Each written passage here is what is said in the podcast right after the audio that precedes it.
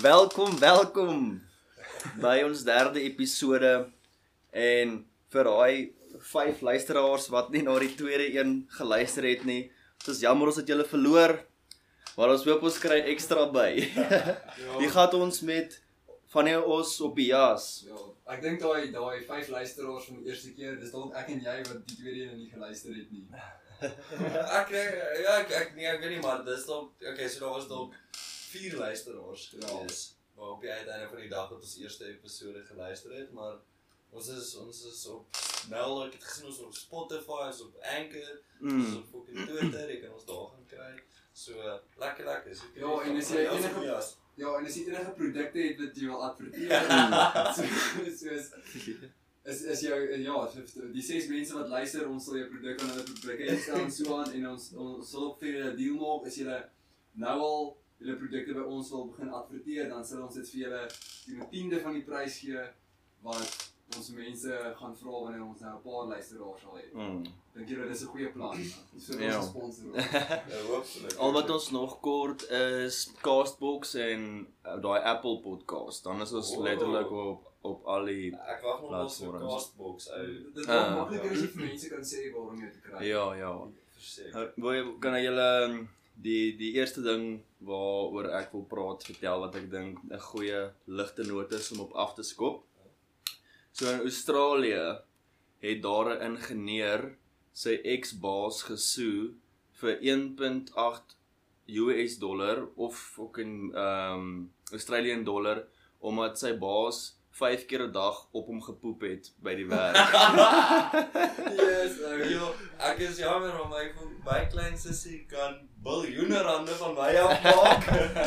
Nou Ja. Ja, dis wel nou. Dit is die die ou se naam. Dis by die ingenieur se naam is David Hingst en hy's van Melbourne, Australia. En hy sê dat die baas opstaan en poep in die cubicle. Partykeer loop die baas net in die cubicle in, dan poep hy dan loop hy. En die cubicle het nie vensters of enigiets nie. So daai ou sit nou daar en ons sy baas se poepe in die hele dag. En ehm um, toe het die eerste hof dit uitgegooi want hulle sê 'n poep constitute nie boelie nie. En nou vat hy dit na die Yes, I respectfully disagree. nou, ehm um, vat hulle dit na die Supreme Court toe want die ou sê dit is 'n dis 'n conspiracy teen hom om sy werk experience sleg te maak sodat hy moet loop. Want as jy mos iemand fire, moet jy severance betaal. Nou Hmm. treiter hulle die ou dat hy nou dat hy nou moet loop. Nou dit dit, was nogal was nogal So so het hierdie ou nou regtig net ge die hele tyd by daai ou gaan poep of hierdie ou dalk 'n probleem gehad dat hy maar net permanent gepoep het. Hierdie David Hingst noem sy baas 'n 'n reekspoeper ou, 'n serial farter.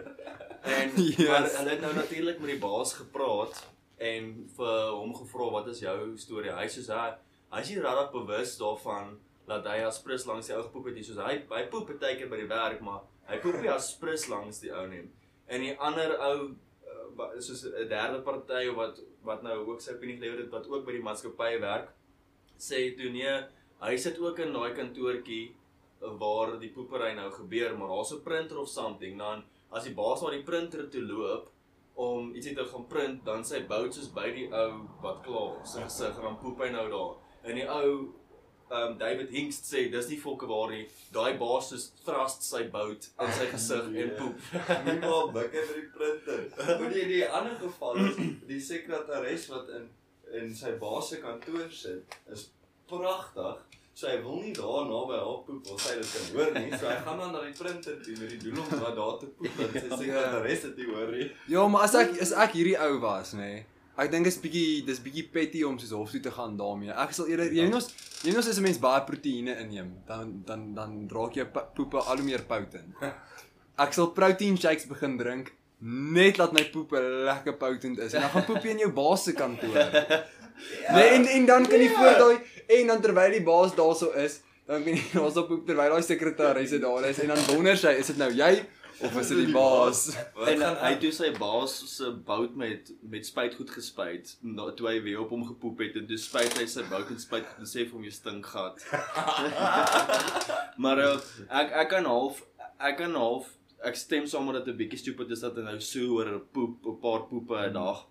Maar ek vers, ek verstaan dit half ou want dis dalk nie vir hom lekker nie en dit is moeilik om 'n ander job te kry en as hy 'n ander job kry, gaan hy dalk nie weer dieselfde salaris kry as wat hy by hierdie job kry het want hy werk al 'n paar jaar daar en Die ander ding is net as jou baas nou regtig deel dit weer kom poep, dan gaan jy begin dink, "Jesus, my baas hou nie van my nie." Ja. En dit is 'n bekommernis. Soos ek kan verstaan dat jy ou bekommerd is, maar nou Mm. jy gaan nou nie jou baas dagvaar daarin nie. Hy gaan En jy- ook maar minder van jou hou dan. hy noem dit severe stres. Hulle het severe hulle het hom severe laat uitgestres kom. Maar jy weet ook hoe mense 'n uh, 'n berg van 'n molsoop kan maak. Ja, maar nou wat ek nie verstaan nie is vandag se mense, ons hoor allerlei stories. Hierdie persoon dagvaar hierdie ene want hy het aangeneem wat die persoon se se um, geslag is. Hierdie een dagvaar want die baas poep in sy kantoor waar 1940 was was jy het jy in die oorlog beklei. Ja, mense ja. het jou geskiet. Ja, Ek dink dis poep in jou kantoor nie, hulle het jou geskiet. Hoekom is mense so sag deesdae? ek Ek ek ek ek selfde ding van die ryk mense ehm um, wat worry oor al hoe kleiner goederes want alles is klaar uitgesort. Maar vir die grootste gedeelte van die mense wat nou soos die middelklas en die arme mense is, hulle hoef ook nie meer oorlog toe te gaan en te fight vir hulle countries of whatever nie. So hulle het ook nou kleiner dinge om oor te worry en dan dan kom al hierdie Hmm. goeders op. ja, dis waar. Dalk dalk ons breine is seker maar net Ietsie wat ek nou nog wou gesê het oor die die werksituasie. Ek wonder nou as jy jy's byvoorbeeld nou die baas van hierdie van hierdie maatskappy en jy hou nie van hierdie bra wat by jou werk nie. Wat kan 'n mens doen om die werk sleg vir iemand te maak dat hulle moet quit in plaas van daarvan dat jy nou vir hulle moet severance betaal en alles voordat 'n mens voordat mense dit kan hof toe vat. Jy, jy gee vir die ou baie werk en as hy nie alles gedoen kry nie dan dan gee jy so strike 1 vir incompetence. En hy Ja. net aan vir hom baie werk gee tot hy 3 strikes het, dan gee jy vir hom sy warnings want hy kan nie sy werk doen nie. Hy kan nie die posisie um, vervul nie en dan Hmm. maar ewen ou ehm um, as jy nie as jy nie oor die weg kom met iemand nie en dan kan jy jy kan nie argument maak soos jou maatskappy kan nie kan nie funksioneer kan nie so efficient as ek weet jy sal in die moeilikheid kom maar in baie lande kan jy ons het nou geleer in ons facilities design het gegaan oor um personnel requirements en daaroor as toe hulle vir ons vertel um as iemand nie sy persoonlikheid nie inpas nie en hy maak die dinge weet in die kantoor kan jy hom fire want hy destroy die dinamika. By byvoorbeeld 'n my suster, sy werk vir 'n PR company en al en is net daar werk net vroumense daar. En almal is cool en half like-minded en hierdie is hierdie een vrou wat daar gewerk het wat heeltyd um moan en haar persoonlike lewe opbring en met mense chat terwyl hulle werk en met by hulle gaan kla en goed. En daai vrou het my suster baie geïrriteer en sy het later rond almal in die kantoor gaan irriteer. Toe gaan die baas soos na 'n uh, een of ander 'n professional toe wat haar nou help om hierdie vrou te fire. En want hulle hulle is net nie emotionally compatible om saam te werk nie. Iets wat nogals Ja. 'n baie groot probleem in Suid-Afrika is wel soos onder die staalbedryf en so is hulle sit die mense op kort tyd waar jy nou sê 'n week, 'n maand werk. Ehm um, waar jy voorheen 'n voltydse werk gehad en laat jy 'n week, 'n maand werk, dan kry jy 'n kwart van jou salaris. Nou na ruk gaan jy nou gatvol raak daarvoor en die werk los. So dan hoef jy jou nie 'n uh, retrenchment fooi te betaal of Hmm. jy hoef nie deur die moeilikheid te gaan Ja. van iemand te fire nie en daar is geen beperking op kort tyd nie. Hulle jy mag iemand op kort tyd sommer maar net sit. So jy kan sê Ja, ek maar lus om dit dis te doen. erg. En dan en dan tegnies betaal jy hom dalk minimum loon, maar die ou werk net 'n kwart van die tyd. En dan En hy hoe moet daai ou se onkoste dek? Hy kan nie. Ja, jy kan nie, so dan los jy maar jou werk want jy kan Ja. jy kan niks bekom want jy kry net 'n kwart van jou salaris. Ja. Jy kan nie 'n ander werk kry nie want jy moet nog steeds 1 week uit die maand uit by hierdie plek gaan werk. So Ja, want ek ek dink gefire was sy sy het severance gekry. ou. oh. Maar sy sy sy hoor dit te kry. Dis die Ja. regte ding. ja, maar wat ek nou gedink het, daar moet seker wet, daar ek kan nie dink dat daar nie wetgewing is vir Mm. daai daai sekuriteit van wat wat jou inkomste moet wees nie, want as jy nou korttyd werk, dan dink jy dalk soos okay, hierdie is my salaris te kry as ek nou reg hierdie maand werk jy nou maar 'n nou kar, jy koop 'n huis volgens daai. Ja, ou, want ek ek dink soos dis dis regtig nogal Ja, dit want- klink vir my baie Ja, ek meen dis mos hoekom daai verbruikerswet in 89 ook geskryf was dat mense nie Mm. skuld kan maak wat hulle nie kan hanteer en so Ja, aan nie want ja. baie banke en so aan het mos net vir mense ehm geld geleen wat hulle glad nie kan terugbetaal nie en dan sal mense vir die res van hulle lewens in soveel moeilikheid En toe op die ouene toe kom daai wette in en daai mense se skuld mos net verdwyn. Maar dit was Want, na die eh, Suprema krisis. Ja. Um ons het ook 'n bediende gehad. Sy sy werk vir ons al vanaf ek kan onthou. Daai een wat jy so gewetter het. Ja, sy het my gewetter met 'n sambok hou. En uh maar ek het dit verdien. En nou uh ag hou ons is so bly om mekaar te sien. Ons gee mekaar drukkies en sy wil altyd weet waar die sweets en hoe lekker swat ek nog en whatever. Maar ehm um, toe almal nou uit die huis het getrek het, toe staan nou ook nie meer so baie werk by die huis nie. Toe my ma vir my gesê, nou Sarah gaan nou net die helfte van die week kom werk. Toe vra ek my ma nou, gaan Sarah uitkom met die helfte van die geld? Toe sê my ma nee, sy het met Sarah 'n reëling gemaak. Sy sal nog steeds vir haar haar volle pay gee. Wow. En hy ja, dit is nogal billik. Ja. Ehm um, American News Okay. vir die eerste keer in geskiedenis is ateïsme die grootste religious group in Amerika. What? Wat wat wat wat wat wat wat is dit die soos die grootste persentasie van die populasie is Ja. ateïste. So 23% van Amerika is nou atheists. Ehm um, hulle het met 266% gestyg oor die laaste 30 jaar Ja. bo die Catholics en die eva- evangelists. Weet jy wat is die weet jy wat is die katolieke persentasie? Nee nee, ek het nou net die die die wenner se Okay, persentasie okay. weet en dan en dan ehm um, Wêreldwyd is katolieke die seker groot. protestante het die grootste hou gevat. Hulle het 62% gedrop vanaf 1982 af en het nou net 10% van die populasie in Amerika. Ja. 10%. Maar dis die protestante. Ja, maar toe Amerika gestig was, was almal protestant. ja, letterlik almal nou in Amerika. nou is elk amper elke vierde persoon 'n atheist. Yo. Ja, Maar maar nog steeds is daar eh, het ek is so ruktig studie gelees waar hulle sê um ek dink iets soos 1 uit 4 Amerikaners dink die son draai om die aarde en 'n klomp van hulle dink die aarde is plat. So hoe ja, so daar's daar's so 'n groot gap tussen die mense Mm. daar, nee. Mm, Maar ek wonder nou ook hoeveel pers hoeveel persent van daai ateïste in Amerika glo soos en soos wat julle twee nou glo mm. En hoeveel van hulle glo maar net soos ateïsme is soos wat wat jou so sal irriteer want ons ons het al daaroor gepraat. Party ateïste irriteer jou omdat hulle hele argument Ja. vir julle saak so swak Soos maak. Eddie Bravo. Hy is die slegste ateïs ooit. Hy is ateïs, maar hy glo die aarde is plat en hy glo NASA jok vir almal en ja, hy's Ja. Ja, maar weet jy wat wat op die uiteinde van die dag ateïsme word nou maar net soos enige ander geloof, dit word 'n groepie waaraan jy kan behoort en dis die hartseer ding. Ek bedoel, daar's nie veronderstel om eers 'n woord soos ateïsme te wees nie. Ehm um, maar daar's nie 'n woord vir iemand wat byvoorbeeld nie 'n dokter is nie. ja, of iemand wat nie golf speel nie. Jy verstaan Ja. hoe moet daar nou iemand 'n woord wees vir iemand wat nie deelneem in geloof nie. Mm. So dit word nou maar soos 'n gelowige groepie, dit word nou soos 'n kliek amper. En Ja. ek dink nou dat dit die grootste groepie is, nou gaan dit net meer raak en erger raak Mm. van daar af. Maar ehm um, wat saam met die statistiek gekom het is dat meeste gelukkige okasies of uh, goeders wat gebeur wat mense gelukkig maak gebeur saam met Geleenthede.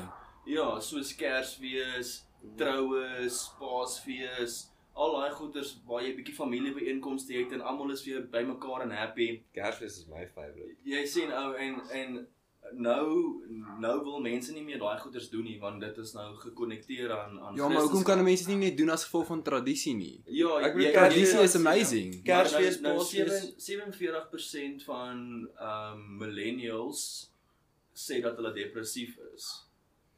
Ja, maar ek kan So, dit so goed jy glo. dink is omdat hulle nie deelneem in Kersfees en Paasfees en goed nie. Ja, hulle hulle hulle het nie hulle het nie tradisies wat samesyn veroorsaak Ja.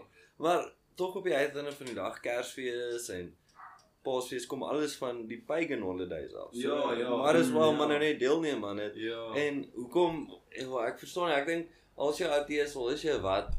Neem deel aan die Kersfees. Dis lekker, lekker man. kos, persente, persente. whatever. Geniet Ja, nee, ek ek stem ek stem Ja. sterk saam daarmee, maar ek ek wil ook sê noem nê, ek dink die grootste rede vir millennials se depressie is nie die ekonomie, dis die ekonomie. Ja ou, want almal van hulle dink hulle is so spesiaal. Almal dink hulle verdien 'n werd waar hulle 'n 6 figuur so- soos salaris soos salaris kyk as mense nou in dollars kyk, veral almal van hulle dink jy moet meer as soos 100 000 dollar 'n jaar verdien en so aan. mense baie ons dit sal hy Ja ja ja, go vir dit. Okay. Ehm ek het net 'n bietjie koud gekry. Maar ja, maar dan sal daai mense soos ek meen hulle hulle verwag hulle moet al die goeie werke kry, maar dan het hulle graad in gender studies. Ja, ek ek weet ook jy ek dink die ek het ook al nou baie goed gehoor wat hulle gesê het. Baie mense het so gedink soos wat jy dink. En na hulle nou 'n bietjie meer studies gedoen het en daaroor het hulle gesien dat millennials eintlik so depressief en lonely en goed is want die ekonomie is kakhou. Nie oor wat se wat se redes nie. En dit is so, ons is deel van die generasie waar dit die moeilikste is vir jou om iets te gaan doen, om te gaan travel Mm. want oor die ekonomie. En ja, so ek dink jy jy kan dit regtig so baie daarop bly meer nie. Maar die maar hoe millennials re- redeneer oor oor hulle self is definitief olie wat op daai vuur gegooi word. Want ek Ja. dink kom ons sê jy kry 'n uh, ouetjie wat nou 25 is.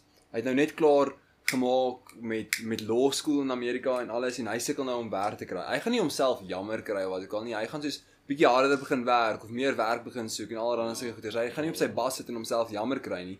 Maar al daai mense wat goeders gaan swat het wat hulle half net hulle hulle laat hulle Ja, self spesiaal voel. toerisme en fucking Ja, dis daai donkak ook. Maar as jy Dit is- dit so en dit word is- gesluister as jy cool.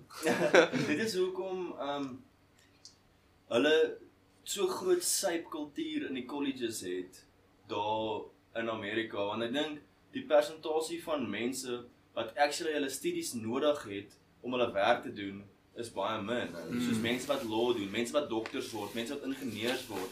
Hulle het hulle studies nodig en hulle hulle is die mense wat gaan genoeg geld verdien om hulle lenings af te betaal. En die res van hulle wat die klomp tos swat, hulle kry nie werk nie en dan kan hulle ook nie hulle len- lenings afbetaal nie. Ou, dis hoekom baie almal van hulle gaan college toe, maar min van hulle gaan universiteit toe. So hoe hulle Ek het nou net gaan kyk wat wat is die verskil tussen 'n uh, universiteit en 'n college. In Amerika. Ja. In Suid-Afrika is dit iets heeltemal anders. Ja, en volgens wat ek verstaan is dit is dit half dieselfde want ek het daar iemand het op het byvoorbeeld gevra from which college are you to say University of Texas. So dit is dit is ek is nie presies seker wat se verskil nie. Mm. Okay, kom ek so kom ek sê vir julle wat, wat, wat hoe hoe dit werk, nê. Nee. Soos is dit hang af watter skole jy ook was en dit hang af wat jy sê maar soos wat watter onderrig jy gekry het in Amerika.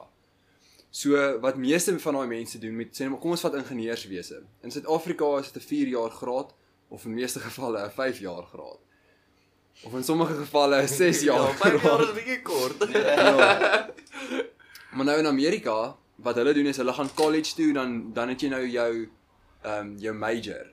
Dit is is dis al 'n baie breë tipe rigting waarin jy ingaan en allerlei sulke tipe goeders en dan naderhand het jy nou 'n minor, dis bietjie meer gespesialiseer. So major is jou hoofvak. Ja. So wanneer hulle um, college toe gaan, dan gaan jy vir 4 jaar college toe en dan moet jy sekere vakke hê wat jou toelaat om ingenieurswese te doen of om law soos om regte te doen. Dis hoekom hulle law school het en medical school. Maar hulle gaan mos college toe as hulle 18 is, ou. Ja. Ja, ja, as hulle Dan moet 18 hulle is. 4 jaar ietsie doen, dan is hulle 22, dan kan hulle eers gaan swat vir 'n graad. Ja, maar Nee, jaar. dan is- maar dan is- in daai in daai 4 jaar kan jy 'n major kies. En jy kan byvoorbeeld jou major gaan dan meganiese ingenieurswese of whatever wees. Hmm. En so so ek wil amper half sê die eerste jaar, soos ek het verstaan, die eerste jaar van jou swat leer jy maar bietjie van alles. Mm. Um maar ander ding wat ek wou gesê het oor wat jy ook nou nou gesê het van hoe mense baie verander het. Uh toe dink ek daaraan ek het ver oggend 'n podcast geluister van Stuff to Blow Your Mind. Toe het hulle gesê dat van dink 1965 af het narcissisme met iets soos 40% opgeneem. So ons samelewing is baie meer narcissisties as wat dit Oh, want Dit daar's is- dit is mos ehm um, wanneer jy nie omgee oor ander mense nie. Jy is verlief op jouself. Jy is verlief op jouself. Dit is mo- is dit nie Daar's soveel op min- daai een Ja, die Griekse god wat hom Op wat homself. vir homself in die water gekyk het. Ja, ja. En toe raak hy so verlief Mm. op sy prentjie in die water dat hy baie tyd in die dag Ja, Maar het. ek en Pieter het nou die dag ook 'n bietjie gepraat oor ehm die Instagram kultuur. ja, Instagram en social media kultuur oor die algemeen. Nou toe ons nog in die laerskool was, so dis nie so lank terug nie, het mense nie goeie soos Twitter en Facebook en Instagram gehad wat vir jou letterlik 'n internasionale platform gee nie. So voor dit as jy ietsie gehad het om te sê, dan hoor jou vriende en jou familie dit dalk en dis in van van jou familie hoor dalk net jou ma en jou pa en jou boetie en sussie dit. So jy het 'n baie 'n baie klein uh, groepie gehad wat jy kon bereik. Nou het almal die vermoë om ietsie te sê wat internasionaal gesien kan word. Nou probeer almal ietsie sê uh, wat saak maak. Maar almal almal se goed kan nie ewe ewe belangrik. ewe belangrik wees op sosiale media. So En nie almal kan die geluk hê om viral te gaan nie, want baie keer is daar mense regtig Ja, dom. soos ons wat nou maar ons 5, 6 luisteraars Ja. het. Maar nou ek wil 'n ander punt daarby sit. Ja, jy kan nou iets maak wat internasionaal gesien word, maar nie net dit nie. Oor die manier wat die blockchain werk, is as jy nou iets op Facebook, Twitter, wha- whatever sit, dit is vir ewig daar. Dit word nie vernietig nie. Hmm. As jy as jy 2 jaar later dit soek, gaan jy dit nog steeds sien. Dit gaan nog steeds oral op. op. Maar maar die gevolg van dit wat ek nou sê is, okay nee, jou vriende wil dalk weet wat het jy gedoen, nê? Nee? Die naweek of die vakansie, met wie het jy gepraat en wat het jy gedoen alles. Jou vriende wil dit dalk weet. Maar wil die 500 mense wat jy friends mee is op Facebook, wil hulle weet wat het jy vandag geëet? Wil hulle weet dat jy op die strand Hmm. gestap het? Nie almal almal dink wat hulle doen is die fucking belangrikste ding in die wêreld en almal moet kyk wat doen hulle en almal voel so. Maar dit is nie so nie ou. En almal dink hulle is spesiaal genoeg om bekend te wees vir niks nie.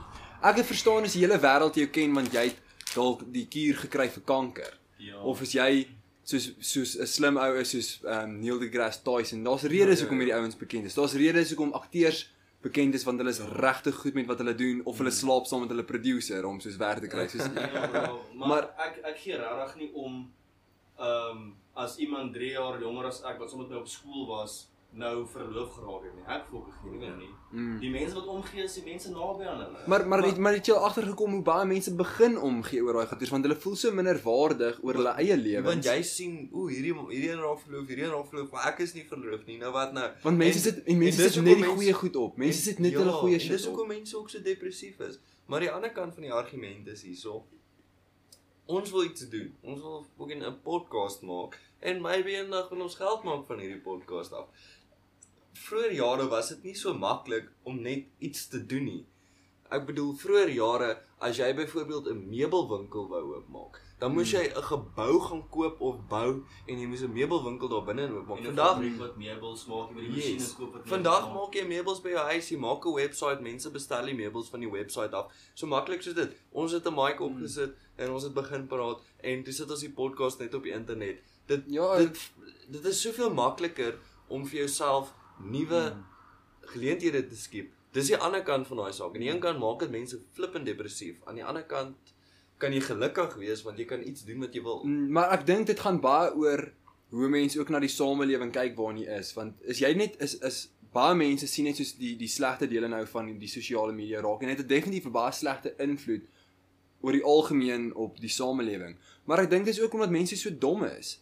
Ek meen, dis kom ons wees nou maar net eerlik, die gemiddelde persoon, nie ons luisteraars nie, is regtig nogal soos nogal stupid want meeste mense sal net na 'n situasie kyk en hulle self begin jammer kry in plaas daarvan om te kyk soos ja, dis nou dalk simpel dat soos dat wat, wat sosiale media en so aan veroorsaak, maar dit veroorsaak dit skep ook baie geleenthede.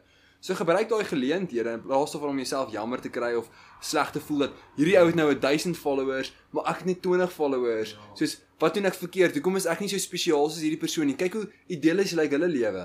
En moenie moan op social media nie. Ek haat dit as mense Yes, moan op social media maar nie- die duisend mense wat na jou jou tweets sien of whatever, hulle worry nie dat jou boyfriend met jou opgebreek het nie. Niemand gee om oor enigiemand nie. Almal baie gee goeie joke daar. Kan Ja, maak ja, ja, dan ja. ja. Ja, want meeste mense gee net om oor hulle eie kak. Ja. Nee, want jy dalk oor die die 4 of 5 mense wat baie naby aan jou is, jy gee dalk om oor hulle, maar as iemand anders deur 'n egskeiding gegaan het of iemand anders het nou soos sy kar afgeskryf, jy gee nie om daaroor nie want dit het nie met jou gebeur nie. Nee, En die ander ding van wat ek ook dink bydra tot die depressiwiteit wat die mense ervaar is as jy iets op social media post, dan stel jy jouself so bloot vir scrutiny dat mense op jou gaan hamer.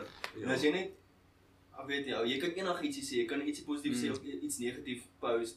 Hap almal jou. Jy, nie almal nou, maar jy kort net daai een Mm. ou wat 'n slegte dag het dan haal Dis is- dis is daai sleg met jouself. Soos dit is Mm. ding waar PewDiePie, H3, H3, al daai groot YouTubers Hulle sê die comments van hulle video's is so fucked up ou. Wat wat die mense net heeltemal aan druk en hulle families begin dreig en kak en Ja. oor 'n Dis is het jy het jy daai episode op The Office gekyk waar Andy op haar een YouTube video dan lewer hy kommentaar op ietsie. Nee, maar dan begin mense om hap oor daai kommentaar wat hy gelewer het, nê? Nee, dan spandeer hy sy hele dag net om vir mense te sê hoe soos dan sê hy vir hulle, "Ja, moet nooit weer soos op hierdie video comment lewer nie." Dan sê hy ou net van soos dan comment hy net verder, jy kan niks doen nie. So wat ek en ek en my pel Pieter in die koshuis baie keer gedoen het. Ons sal op YouTube video's dan gaan lewer ons 'n comment en dan sit ons daar soos met popcorn dan begin ons net kyk wat ander Ja. mense sê. Dis soos ons het eendag 'n video gekyk van 'n ou wat 'n golfbal op 'n golfstok so op. Nee, en dan hop hy hom in, sl- in slow motion, hop hy hom so 'n paar keer en dan hop hy hom, dan bring hy daai golfstok so om en dan om en dan slaan hy bal uit die lug uit. Dan maak jy 'n comment. Ja, dis ek sê van- doen as dit so stadig. is. Ja, maar nee, dis ek maar maar toe vra ek, hoe maak hy dat die bal so stadig beweeg?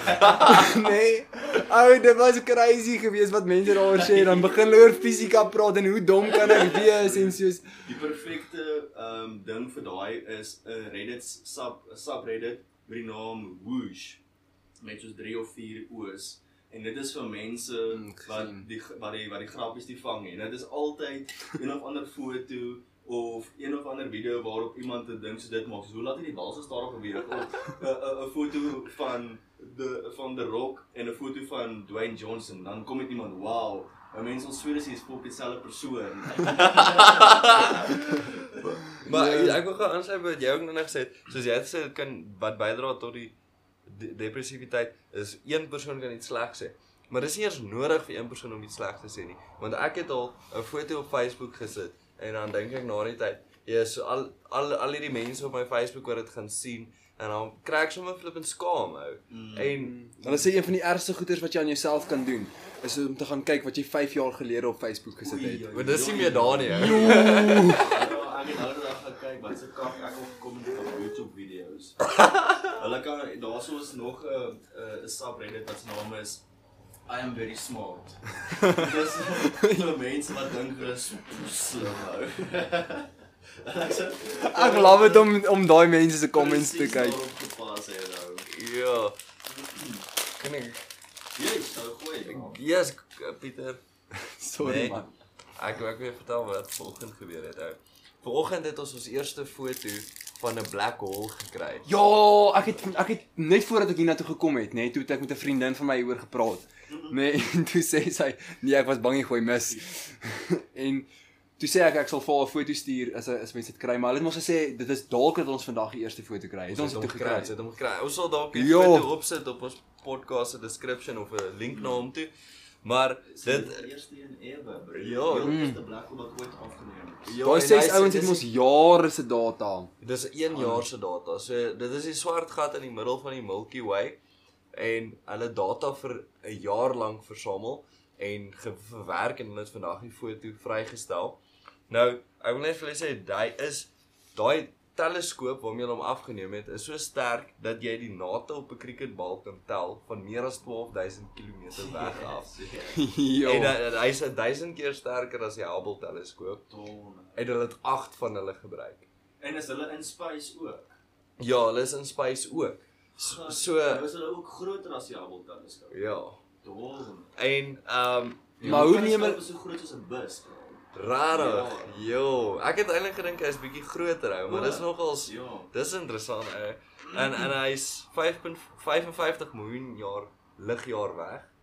Hy is 6.5 biljoen keer so groot soos die son wat flippin amazing is en die, die foto is soos net hierdie swart ek sê nou nou vir Christian dis die swartste swart wat mens ooit sal sien want lig kan nie daar wegkom nie met hierdie rooi skynsels so om hom waar natuurlik 'n black hole is iets wat so wat se gravitasie so sterk is dat lig in hom ingesuig word.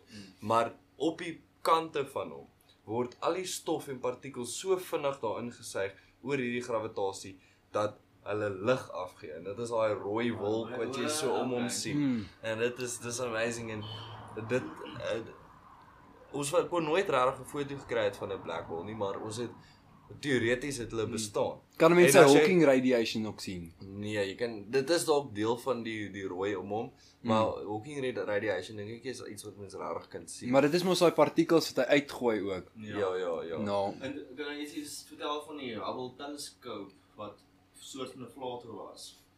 Nou, ehm um, die ding van 'n van 'n teleskoop is hy maak gebruik of spesifiek nou die Hubble teleskoop maak gebruik van moerse speels wat so 'n bietjie konkaaf is.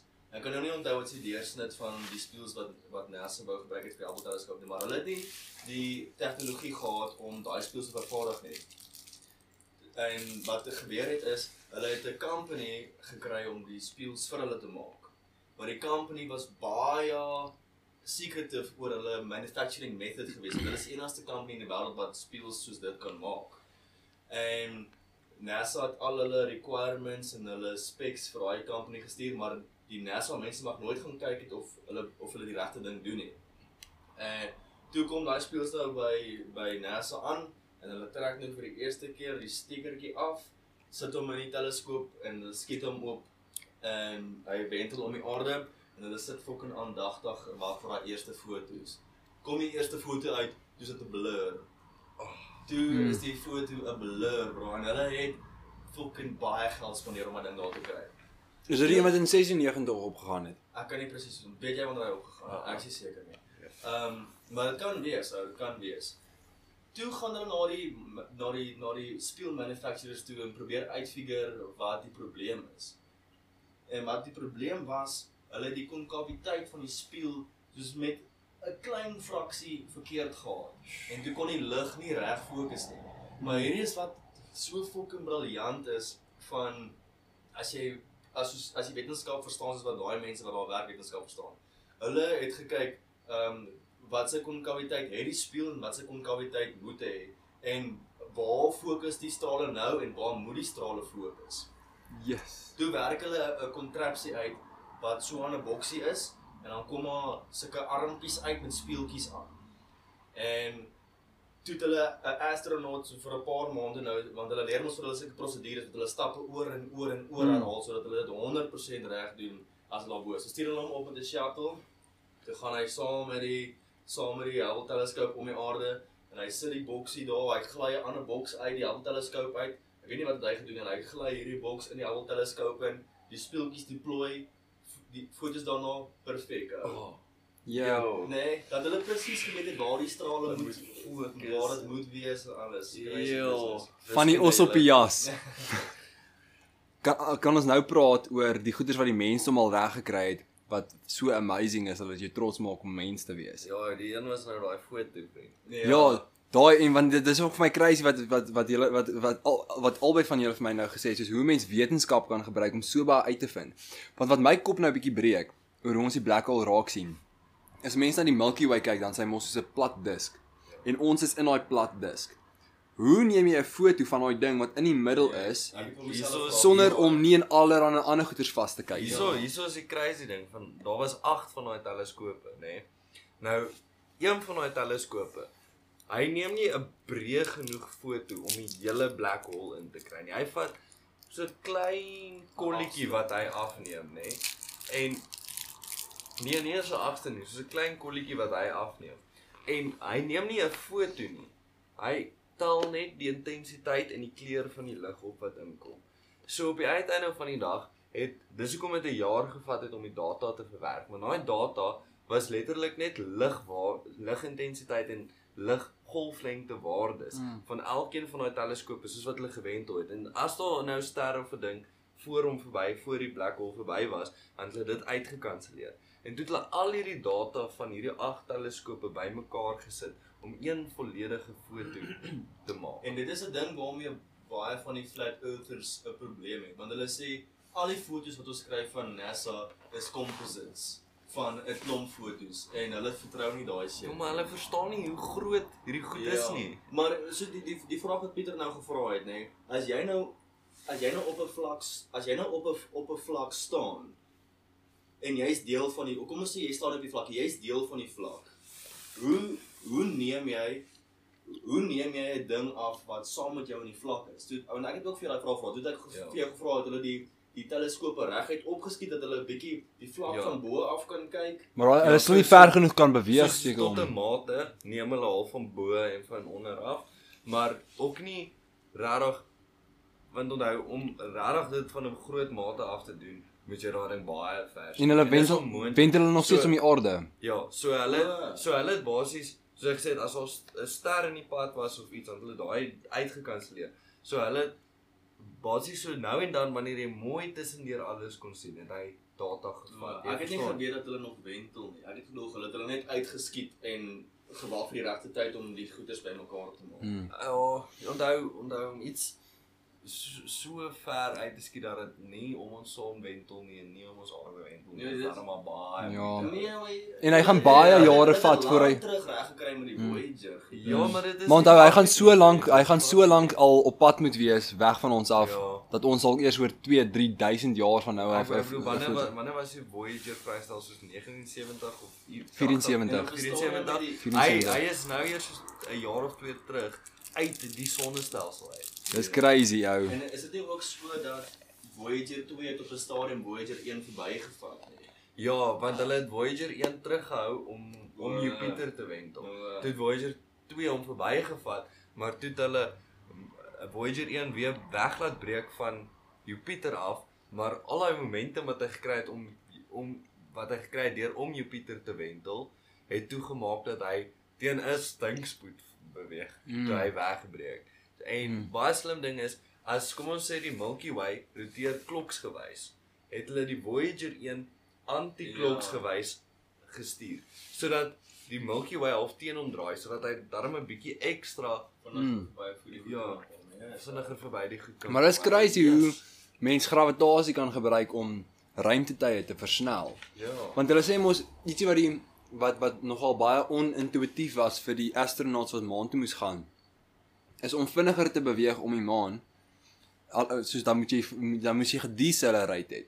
dat jy nader aan Dat jy nader aan die maan kom, dan begin jy jy, jy decelerate nê, dan begin jy al hoe vinniger beweeg. Ja. Crazy. En dan as jy versnel nee, dan gooi jy net uit daai baan uit, dan trek jy nie meer daai G's nie. Nog 'n interessante ding van NASA en die calculations wat hulle gedoen het om by die maan uit te kom en die orbits en die jou sling Mm. om om die goeters te bepaal hoe hoe erg hy jou gaan sling. Hulle het nou en dit was dit was lank terug gewees. Daar was nie baie vrouens in in in wetenskap gewees nie.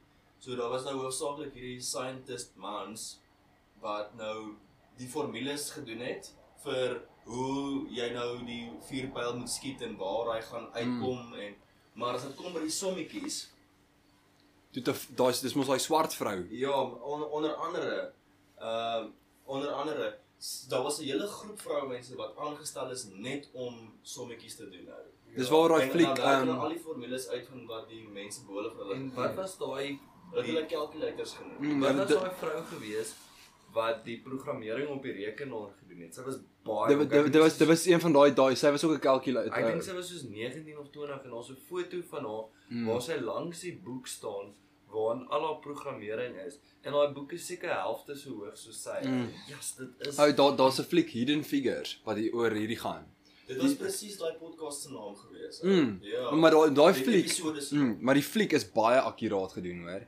is Dis dis baie histories baie akkuraat. Daar was een vrou gewees, daar's drie gewees wat al groot was. Die een vrou wat die wiskunde gedoen het.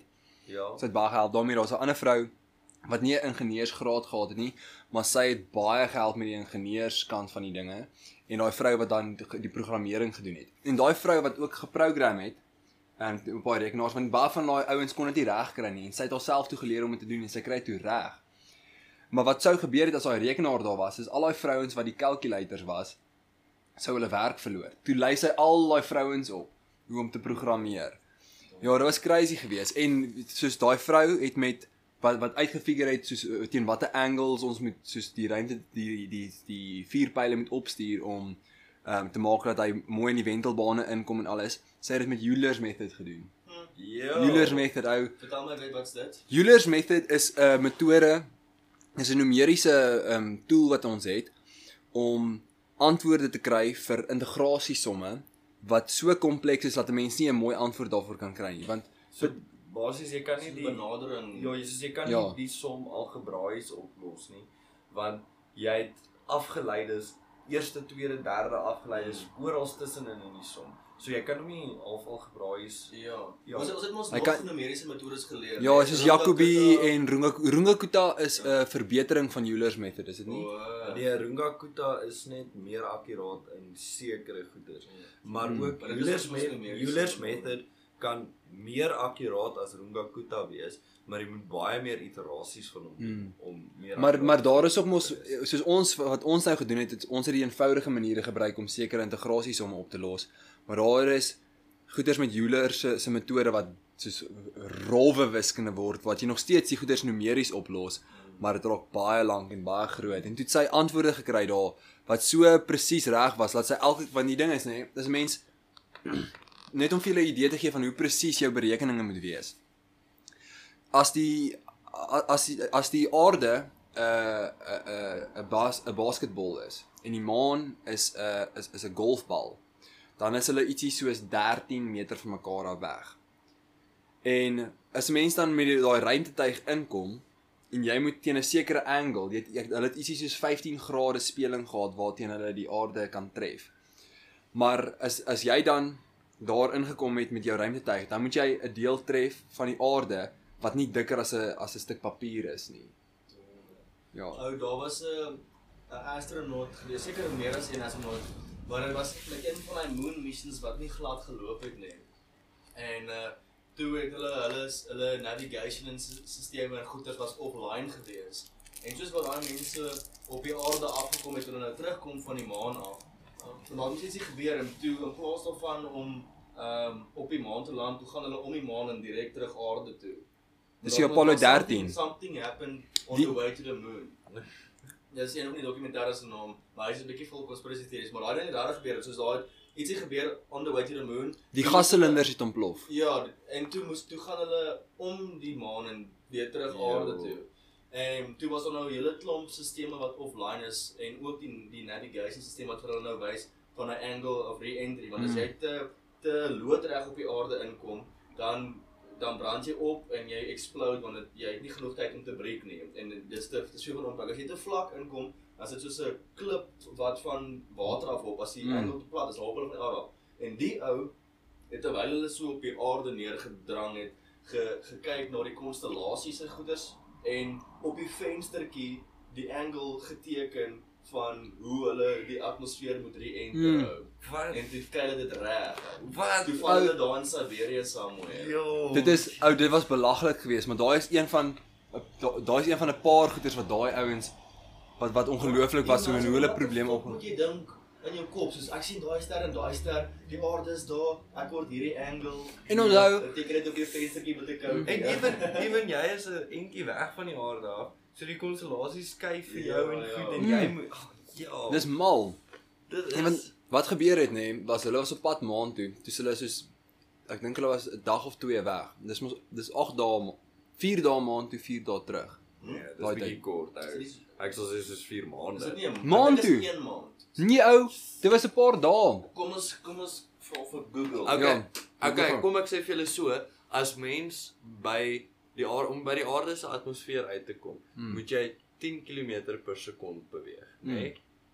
Nou teen die tyd wat jy uitkom by die atmosfeer beweeg jy al klaar baie stadiger. Die maan is so 360 000 Hmm. km weg. So uh My my my, my raai is nê. Christian. Ja, about 3 days. Ek was verkeerd. Ja, Joe. Ja ou, dis vinnig wat hulle daar uitkom. Jo. Want onthou, Um, the, during during that time, a spacecraft travels at at least 386.400 km/h. O nee nee, dis hoe ver hy travel. Ekskuus, O, dis ja, nie hoe ja. vinnig hy travel nie. Maar nou nou begin ek weer daai vraag vra van hoekom die fok gaan ons nie terug maan toe nie? Ons Wat gaan is fout binne met die- hierdie mense? binne- Wat bin- wil jy gaan doen op die maan? Ja. Wat se wat se ekonomie? Ou, dit vat jou Ek 3 het- dae. ek- ek het- vat jou 3 dae. en biljoene dollars. Oh. Wil jy biljoene dollars betaal vir 3 dae, bro? hmm, okay, kan jy volk uit dit uit? ek het eintlik die antwoorde op hierdie vraag nê. Die daar daar's hy sê dieselfde. die die die die Kan nie met hom stry nie. ja. Twee die twee grootste redes hoekom ons nie maan toe meer gaan nie, is daar's nie regtig nou meer 'n doel daaraan nie. Ons het dit al klaar gedoen en tweedens is flippend duur. Die Saturn V was ons vir lank nog die die sterkste um, vuurpyl wat ons al gehad het. Hy was 110 meter hoog en hy. Ja ou, is hy opstyg, het hy 20 ton se brandstof per sekonde gebruik. 20 ton per sekonde. Dit is iets wat my altyd verbaas met rockets is dit is vir my ek weet dit is al ou tegnologie, maar dit is vir my soos die begin van wow, is om so om 'n om 'n bom, dis is dis 'n slow release bom Ja, eintlik. Dis hoekom my my droomwerk in ingenieurswese is om vir NASA te werk. maar- maar sê Ja, en die, en nou en en die tweede rede, daar's nie regtig 'n doel daaraan nie. Ons het nie meer genoeg resources om dit dit sommer net uh, soos uh, half uh, gereeld te kan doen nie, want die ding is en Oh, Rusland ja. ja, dreig nie om maan toe te gaan nie. So Ja, Amerika ja, soos dit, ja, nee presies. Soos kyk, ons het nou vier pile wat nou baie meer effektief is en wat baie verder en vinniger kan vlieg en so aan. Maar hulle wil binne die volgende 5 jaar maan toe gaan met die doel om te sê aan Trump. ou. Ja, en maar dit Hy maar maar maar hulle groot doel is om daar te bly dan.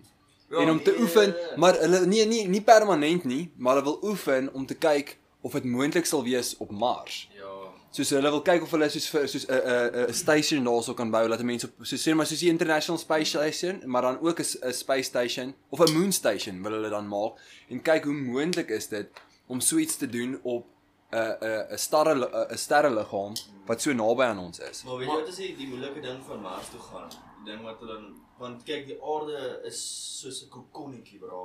Hy het 'n hy het 'n hy het 'n hy het 'n ehm Magneetveld? 'n magneetveld wat veroorsaak word deur die kern van die aarde wat spin. Hulle noem dit een of ander dino effek en dit is die yster en die nikkel core wat spin wat ons magneetveld maak. Hy keer die eerste gedeelte van die son se radiation en dan keer die atmosfeer die res wat dit vir ons nou die die vlakke gee wat ons in kan leef. Mm. Ek want ons kry ook nie zero zero uh radiation nie. So toe kyk hulle nou wat se radiation gaan jy kry op Mars want Mars het het nie 'n core wat spin nie. So hy het in die eerste plek nie 'n magneetveld wat daai elektromagnetiese radiasie kan keer nie. En hy het 'n uh, atmosfeer wat 1% so dik is soos die aarde se atmosfeer. So hy het nie eens die atmos hy het nie eens atmosfeer om 'n radiasie te En hy het nie. glad nie 'n ozon laag nie. So ek kan nou nie onthou wat is wat Die son lyk blou op Mars. Is dit? Dis Hmm. interessant. Nou, die ding wat hulle gesê het, N- NASA heidaglik, ehm um, laat nie hulle astronauts toe om meer as een eenheid van 'n radiasie. Die- Dit is een eenheid. U- units is E- EMA dink ek. Something, een of ander maar een unit en een unit is nou gelyk aan ek weet nie hoeveel radiasie nie, maar hulle mag nie hulle astronauts blootstel aan aan meer as een unit nie en in hulle in hulle leeftyd Hmm. nie en as jy 1 unit se radiasie nou ontvang het, is jou kans om kanker te kry 5% meer. Toe ek toe ek ietsie gehoor van as jy 'n jaar iets in hierdie lyn, ek praat nou korrek, as jy 'n jaar en 'n half op Mars bly en jy kom terug aarde toe, dan kry jy 1.75 van daai units. So jy kry 0.75 meer van die units wat se Selfs met al daai goeders wat jou beskerm. Ja. En onthou daar's minder goedes wat jou beskerm op Mars. Maar, die ek meen al, jy dra nie nou 'n loodpak wat jou beskerm nie. Ja, maar die aarde keer meeste van my goedes as gevolg van die aarde se Hmm. magneetveld. Maar dis dis wat ek bedoel, soos as hulle nou 'n loodpak dra en in al daai soos fancy um, equipment bly, gaan hulle nie minder kan Ja, onthou dis nog steeds Onthou man, lood lood is lood is doos swaar Mm. en ek gaan nou vir ons kyk hoeveel kos dit per kilogram om 'n ding uit orbit uit te kry. Ek Dis verskriklik duur ou. Mm. Maar waar die astronauts op pad Mars toe die meeste radiation sal teekom as hulle vir 'n jaar en 'n half daar bly, is met die trip soontoe en die trip terug as hulle Ja. in die spacecraft. Maar hier is die ander ding. Soos daar's nou groot stories, jy weet, ons wil nou Mars terraform dat ons daar kan bly. Maar Mars is soveel erger as wat die aarde is, selfs met ons aardverwarming, maar dis die hele rede hoekom ons wil gaan koloniseer is want ons gaan die aarde opmors. Maar Mars en daai plek is klaar soveel erger as wat die aarde moontlik kan wees. So sal dit nie net goedkoper wees om die aarde te terraform in daai sin Ja. as om 'n ander planeet te terraform nie. Ek wil gou vir jou Maar maar sê- maar maar het jy al gesien hoe hulle Mars wil terraform? Ek wil gou vir jou 'n interessante ding sê hierso. Mhm. So die eenheid waarin dit genoem gemeet word is um MREM. Mm. Dis MREM. So, um as jy langs 'n kernkragstasie werk vir uh, bly vir 'n jaar, kry jy 0.009 mrem 'n jaar wat jy gesê het jy wag net aan een eenheid blootgestel word. Mm. Ehm um, as jy vlieg uh in 'n vliegtuig kry jy soos 'n X-ray. kry jy 5 RM. Uh, wat 5 mRM? Hæ? Ja, en dit is oor die cosmic rays omdat jy soveel hoor is. Ons het nog in Nou hoe hoe stel hulle hoe stel hulle astronauts aan minder as as dit? dit is dis die ding. Ons het ons het in fisika uh, laas jaar toe ons uh, soeke eksperimentele data gekry van 'n Geiger counter wat hulle op vliegtuie gesit het in Suid-Afrika. En ons het uitgewerk dat ehm um, as jy aan die standaarde moet moet voldoen, moet jy vir vlieëniers elke 6 maande iets soos 'n 3 maande verlof jy is- seker ou man, dan dink jy nie jy sal meer radiasie as 'n vliegtuig kry as jy Mars toe vlieg nie. Um maar daai eenheid wat jy het, is dit 1 mRem. Is jy Ek kan nie ek kan nie presies onthou dis wat dalk is soos 'n maar dit is soos dit is soos NASA se ding, hulle jy mag net een van daai eenhede kry en ek kan nie dink dat 'n vliegtuig vir jou dalk is dit soos 1 kilorem of iets. ja. Dis Maar ek ek ek ek twyfel of 'n vliegtuig vir jou meer radiasie gaan uh, gee as wat ekstra ekstra gee jou 10 m mRem. Ja. Ja, en dit is iets wat ek gehoor het soos as jy op 'n vliegtuig vlieg dan is dit soos wanneer jy X-ray Ja. kry. Wait, hierso, hierso, hierso, hierso, hierso. Die minimum wat jy nodig het um uh, oor jou hele lewe om 'n hoër kans vir kanker te kry is 10000 Mm. mRm. Okay, nou So- so nou kyk gou um soos aan hoeveel mag die NASA astronauts blootgestel word. Maar dalk is een van daai eenhede van hulle meer as een van Ja, daai ja, dit eenhede. wat ek bedoel, soos dat ek nou gesê het, soos hulle dit is net omdat hulle dit uitgedink het, ja. het hulle dit nou een gemaak. Ja. En en enigiets meer as een is nie goed nie. Mm. Maar Terwyl ons daarna kyk, nê? Van terraforming van die ons op die jas. uh diepste myn in die wêreld. 25000 mRm. Dis wat uh dis wat astronauts. Ja, Ja, en dit okay. is nou gelyk aan een van daai eenhede. Okay, so so dit is 5 die vir jou- oor jou hele lewe moet jy 10000 kry om 'n groter kans te kry vir kanker, e- ewen 'n bietjie. So hulle kry 2.5 keer Ja. da- dit. So fok al julle mense wat sê kernkrag is nie die oplossing nie. Jy kry 0.009. Yes. Wat as jy nie daar bly nie, maar jy werk elke dag Mm. Wel dit is seker maar die Ek het nog gesien toe hulle 'n bly. nuclear reactor aangesit het. As jy langs 'n- crazy gelyk. As jy langs 'n Iran myn bly, kry jy 7 mRm. Yes. Maar kom ek Yes. yes. so gepraat van die die terraforming. ja, en nou so gepraat van die Iran myn, die diepste myn in die wêreld is in Suid-Afrika. Dit Mm. Kimberley se gat. Nee. Nee. Kim- Kimberley Nee, dis- dis 'n is gat- die- Is die is die grootste gat wat met met wat met hande gegrou is. ou. Is hy nie ook die grootste oopskag myn nie? Ek is nie. Kan- kan kan nie ek- so nie. ek dink ek- mag jy- Ek ek wil- my raai. Ek wil raai. Ja, shut up. Ek praat hier. Ehm so Kimberley se gat is die grootste gat wat al met hande gegrou het gegrou is. Hulle het nie Hmm. tools gebruik om dit te help grou of om iets te doen. Okay. So diepste myn in die wêreld. Dis nie vir 'n derde keer wat ek daai is in Suid-Afrika. En die myn se naam is Mponeng. Mponeng is dieper as 4 km, so 4.2 km en in daai myn is dit die diepste wat 'n persoon al ooit in die aarde was. Hoe hoe warm is dit daaronder? Dit is 60 grade Celsius daar Donder. sonder verkoeling. Hulle hulle pomp 6000 ton se ys per dag in die myn af om die tonnels koel te hou. Jo. Ehm um, hulle myn, hulle myn ook 6000 ton se rots per dag en hulle is winsgewend as hulle slegs ehm um, as hulle ai ai ai wat mm, ek het verloor. Waar is die myn vriend? Dit is dit is hier in die Ventersdorp Contact Reef. 8 8 van die 8 van die wêreld se 10 diepste myne is in die Ventersdorp Contact Reef. Jy joke. Ja, Ja. en hulle hulle myn almal aan 'n rif wat net 0.8 meter dik is. Dis al. Ja. Wat myn hulle vriend? Hulle myn vir goud. O. Oh. Mm, ja, ek het ek het geweet dit is 'n goudmyn. En Maar ek het geweet wat anders. Ou, maar goud is so hulle, hulle, waardevol. hulle hoef slegs 10 gram per ton. As jy nou 'n ton se klip het, Ja. hoef jy net 10 gram se goud uit te haal om winsgewend te Maar wees. jy het nou maar jy het nou nou gesê hulle haal 6000 ton rots uit. Ja. So dit is nogals Ja. dit dit add op. Ja, Yes. maar imagine nou, wat is 10 gram Uit 'n ton uit uit. 'n ton uit? Dis 60 Ek weet- kg wat hulle moet uithaal. Ja, op 'n dag. Ek goud wat hulle moet uithaal op 'n dag. dis dis voel cool. Is dit nie minder as is dit nie so 600 Nee, gram? maar nie? dis Ja. wat wat jy het gesê wat 600 maal 1000, ja. Ja. Ehm maar dis crazy. Een van die winsgewendste myne in Suid-Afrika het op sy op sy maksimum 14 gram per ton gegee. Dis niks hier. Alright. Nou die diepste gat wat al ooit geboor is. Waar dink julle is hy? Ek dink hy's dis dis mos is dit nie in Rusland nie? Yes. Dis daai tonnel, dis net so een pyp Dis wat net so 'n afgaan. boorgat. Mm. Die Kola super deep borehole.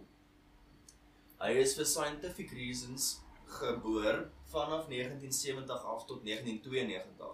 Dit het gebeur gedurende die spysreis ook. Toe die Russe en die Hmm. Amerikaners gefight het om eers in space te kom, het hulle net soveel gefight om eers te by die core uit te kom.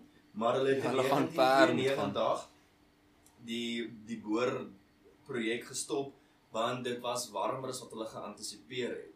Want ons as as 'n klomp ander goeders wat hulle nie in berekening geneem het nie wat bydra tot die temperatuur toename hoe die projek gaan. Hmm. En op 12 km 12 of 14 km, ek dink 12 km was dit 180 grade Celsius gewees daaronder. Jo. En hy's die diepste, maar hy's nie die langste nie. Daar's so 'n ander ene wat ek dink 'n bietjie skynser gebore is. O, so hy is soos die verste ondersee vlak, maar hy is nie die langste nie. Ek dink die is daar langste een is iets soos 50 km of ietsie wat hy Nee, hy's hy's net hy's hy's nie baie langer nie. Hy's ek dink hy's 14 km. o. Ja. Is dit so min? Ek tog is baie meer wat hulle diep gegaan het. Jy is 180 grade daaronder ou. Ja. Jou. Maar ek ek ek wonder net wat haal jy uit soos daar aan die einde? Wat haal jy uit? Haal jy sand, klip, magma? Wat haal jy uit as jy so diep ingaan? En hulle het vir 22 jaar lank geboor in daai ringe.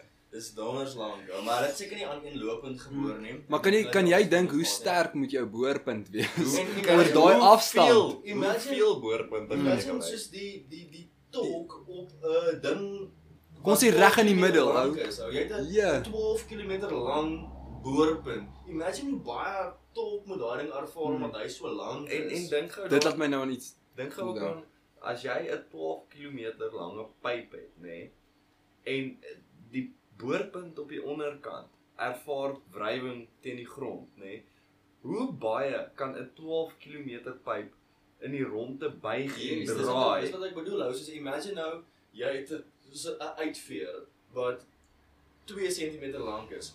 Hoe moeilik is dit om hom te draai? Dis nie dis nie so moeilik nie. Nou imagine jy het 'n uitveer wat 'n meter lank is. Hoe maklik is dit om hom dan te draai? So hoe langer 'n ding is, hoe meer van Hmm. daai draaikragte gaan 'n effek hê op daai ding. en hoe makliker breek jy hom ook. Mense kan dit maklik agterkom met 'n uitveer. Maar toe daar was daar was vir lanke 'n mite gewees oor hierdie gat. Of die hierdie gat was die oorsprong van daai mite gewees waar die mense het gesê die rede hoekom hulle opgehou boor het is want hulle op baie afstand kom, toe het die boor niks meer wrywing nie en die boor begin so te spin. Toe het hulle gesê die aarde is hol en dis waar die hel is. Ja. En hulle het 'n mic daarin afgesak en dit rekord en toe hoor hulle duisende en duisende siele wat so skree in pyn en toe ontsnap die duiwel uit daai boorgat uit en toe maak hy almal dood wat aan die gat geboor het daarso. Ja. Maar toe was dit heeltemal 'n mite geweest en daai skree geluide wat hulle gebruik het kom van een of ander movie af wat hulle net die skree op 'n loop gesit het. Ag nee. Ja. Jy hoor jy? Maar dit Ja, klink nogal imagine net dit dit gebeur wel. ou. Yes, ek sal uitgevriend. As al skree daaronder is. Yes, ou. Yo.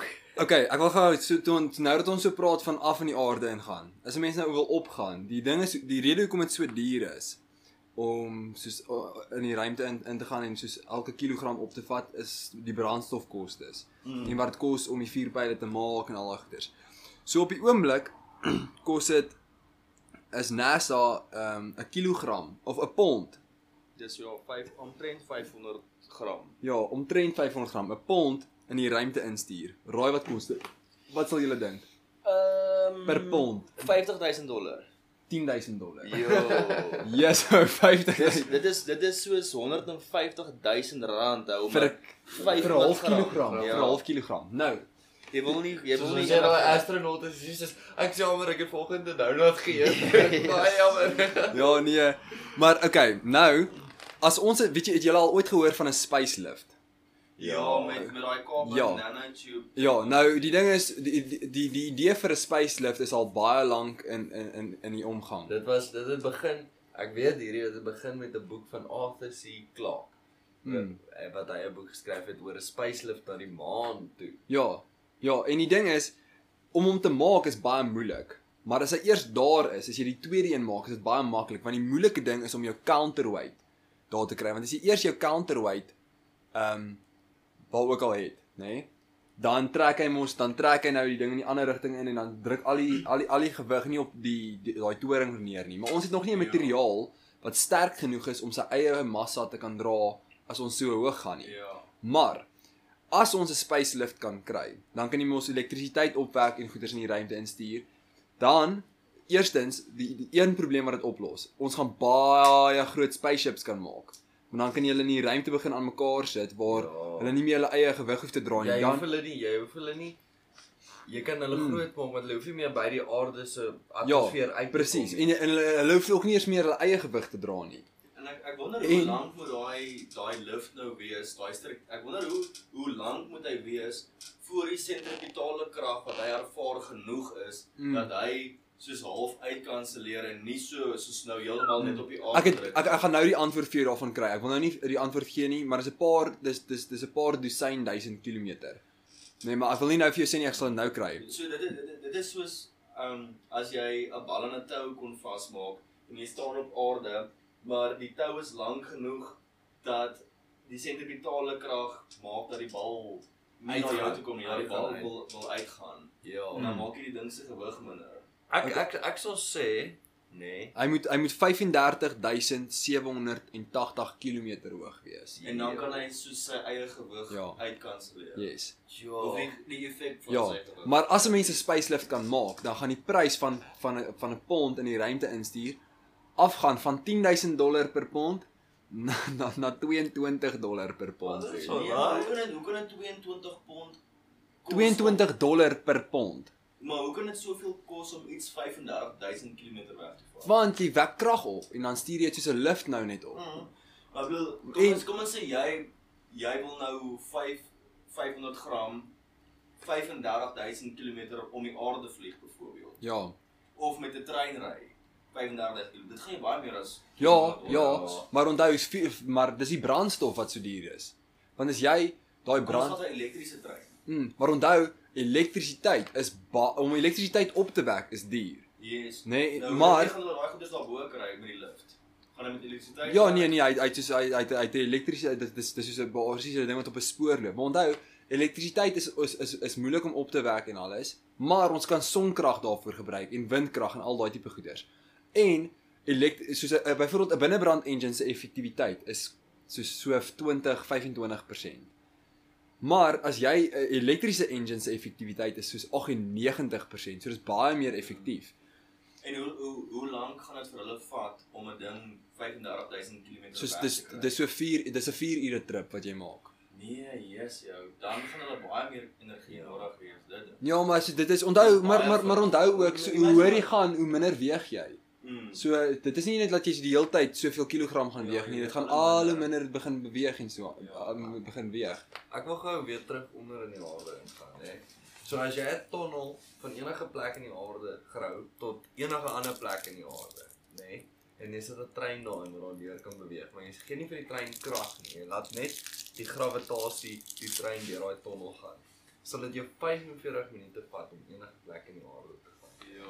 Uh, Of jy nou direk deur die middel gaan Mm. na die ander kant van die aarde en of jy nou net van Suid-Afrika af Amerika toe Want daai gravitasie na die middel toe is die ergste. Ja. So jy accelereer meer en dan breek jy meer ook of as jy dit gaan 'n baie smooth, dit gaan 'n baie smooth ride wees, hè. As jy as jy nie die die gat reg deur die middel boor nie, maar jy boor hom soos half op die edge van die sfeer, dan is gravitasie bietjie die gravitasionele uitwerking op die op die trein 'n bietjie minder, maar hy gaan op dieselfde tyd daar aankom want hy breek nie so hard as hy by die middelpunt kom nie. Ja.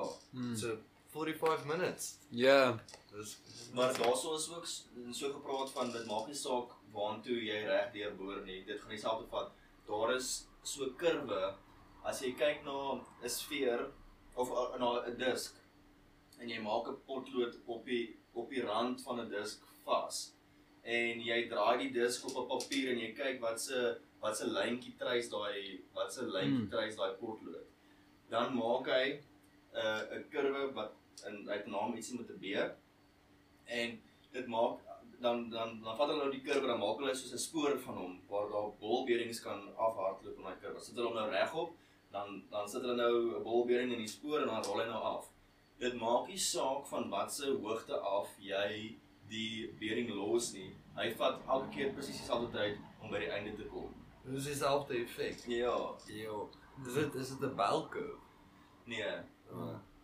Ja, bell curve is is wat hulle ge, wat hulle gebruik om 'n normale distribusie te te verduidelik. Want hy lyk so O, wel. Ja, yes, yes, ek is ver af vriend. Ja. Net dat die beet jou bietjie afgegooi het. Ja, ja. Want die, want die die bell curve is die punt, is die punt Hmm. boontoe en met hierdie ene is hy soos half hy hy die punt is Hmm. onder. Maar is dit nie maar net soos 'n parabool nie?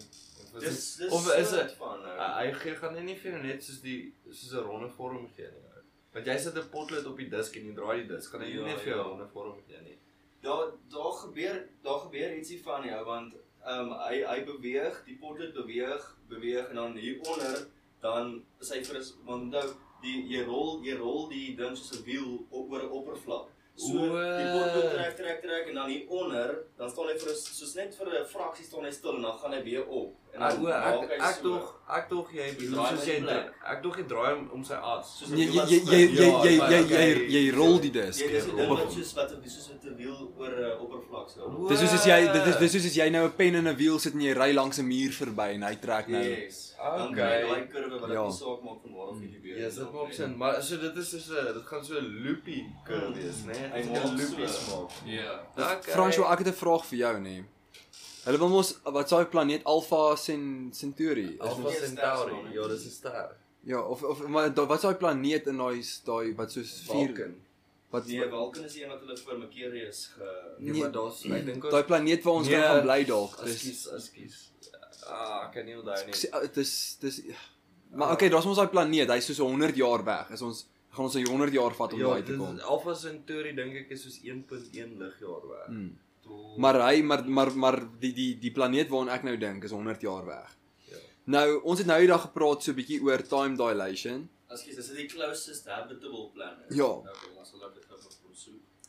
Nee, en as ek nou te gewonder nê, nee, so sê maar ons kan nou 'n ruimtetuig maak. Kom kom ons sê ons het 'n spacelift en ons kan 'n ruimtetuig maak wat moer groot is. So jy kan flip en baie ba- brandstof vir hom gee dat hy baie vinnig kan beweeg. Want hy gaan vir baie lank dan mos kan Ja, versnel. Proxima Centauri. Ja. Okay, okay. nou hy is hy's nog verder weg. Hy's 12 light years away. Ja. Hmm. Maar okay, kom ons sê selfs 12 ligjaar weg, laat dit ons So hy's nie in- is hy nie in Alpha Centauri. Hmm. Hoe ek waarna hoe ver dit is. Maar kom ons sê Ja, dit ja. vat 'n mens dan 'n 1200 jaar om uit te kom. Dink jy ons sal vinnig genoeg kan beweeg laat dit vir die mense op die op die ruimtetuig voel asof hulle net 5 jaar gevat het om daar uit te kom? Nee, nee, nee, nee, nee, glad want onthou uh, volgens uh, jy praat nou van um, time dilation, Ja. nê. So Die die, die, ding kom, ek as jy- die rede hoekom ek vra is want ons het laas gepraat oor kom ons sê jy kan teen die spoed van lig beweeg. Ja. Dan gaan dit vir jou voel asof jy oombliklik sê net maar 5 ligjaar Nee, verder nee, uitkom. Nee, jy verstaan dit verkeerd. Is dit? So is verkeerd ook. Die dit is nie die naaste planeet nie, dis die naaste ster.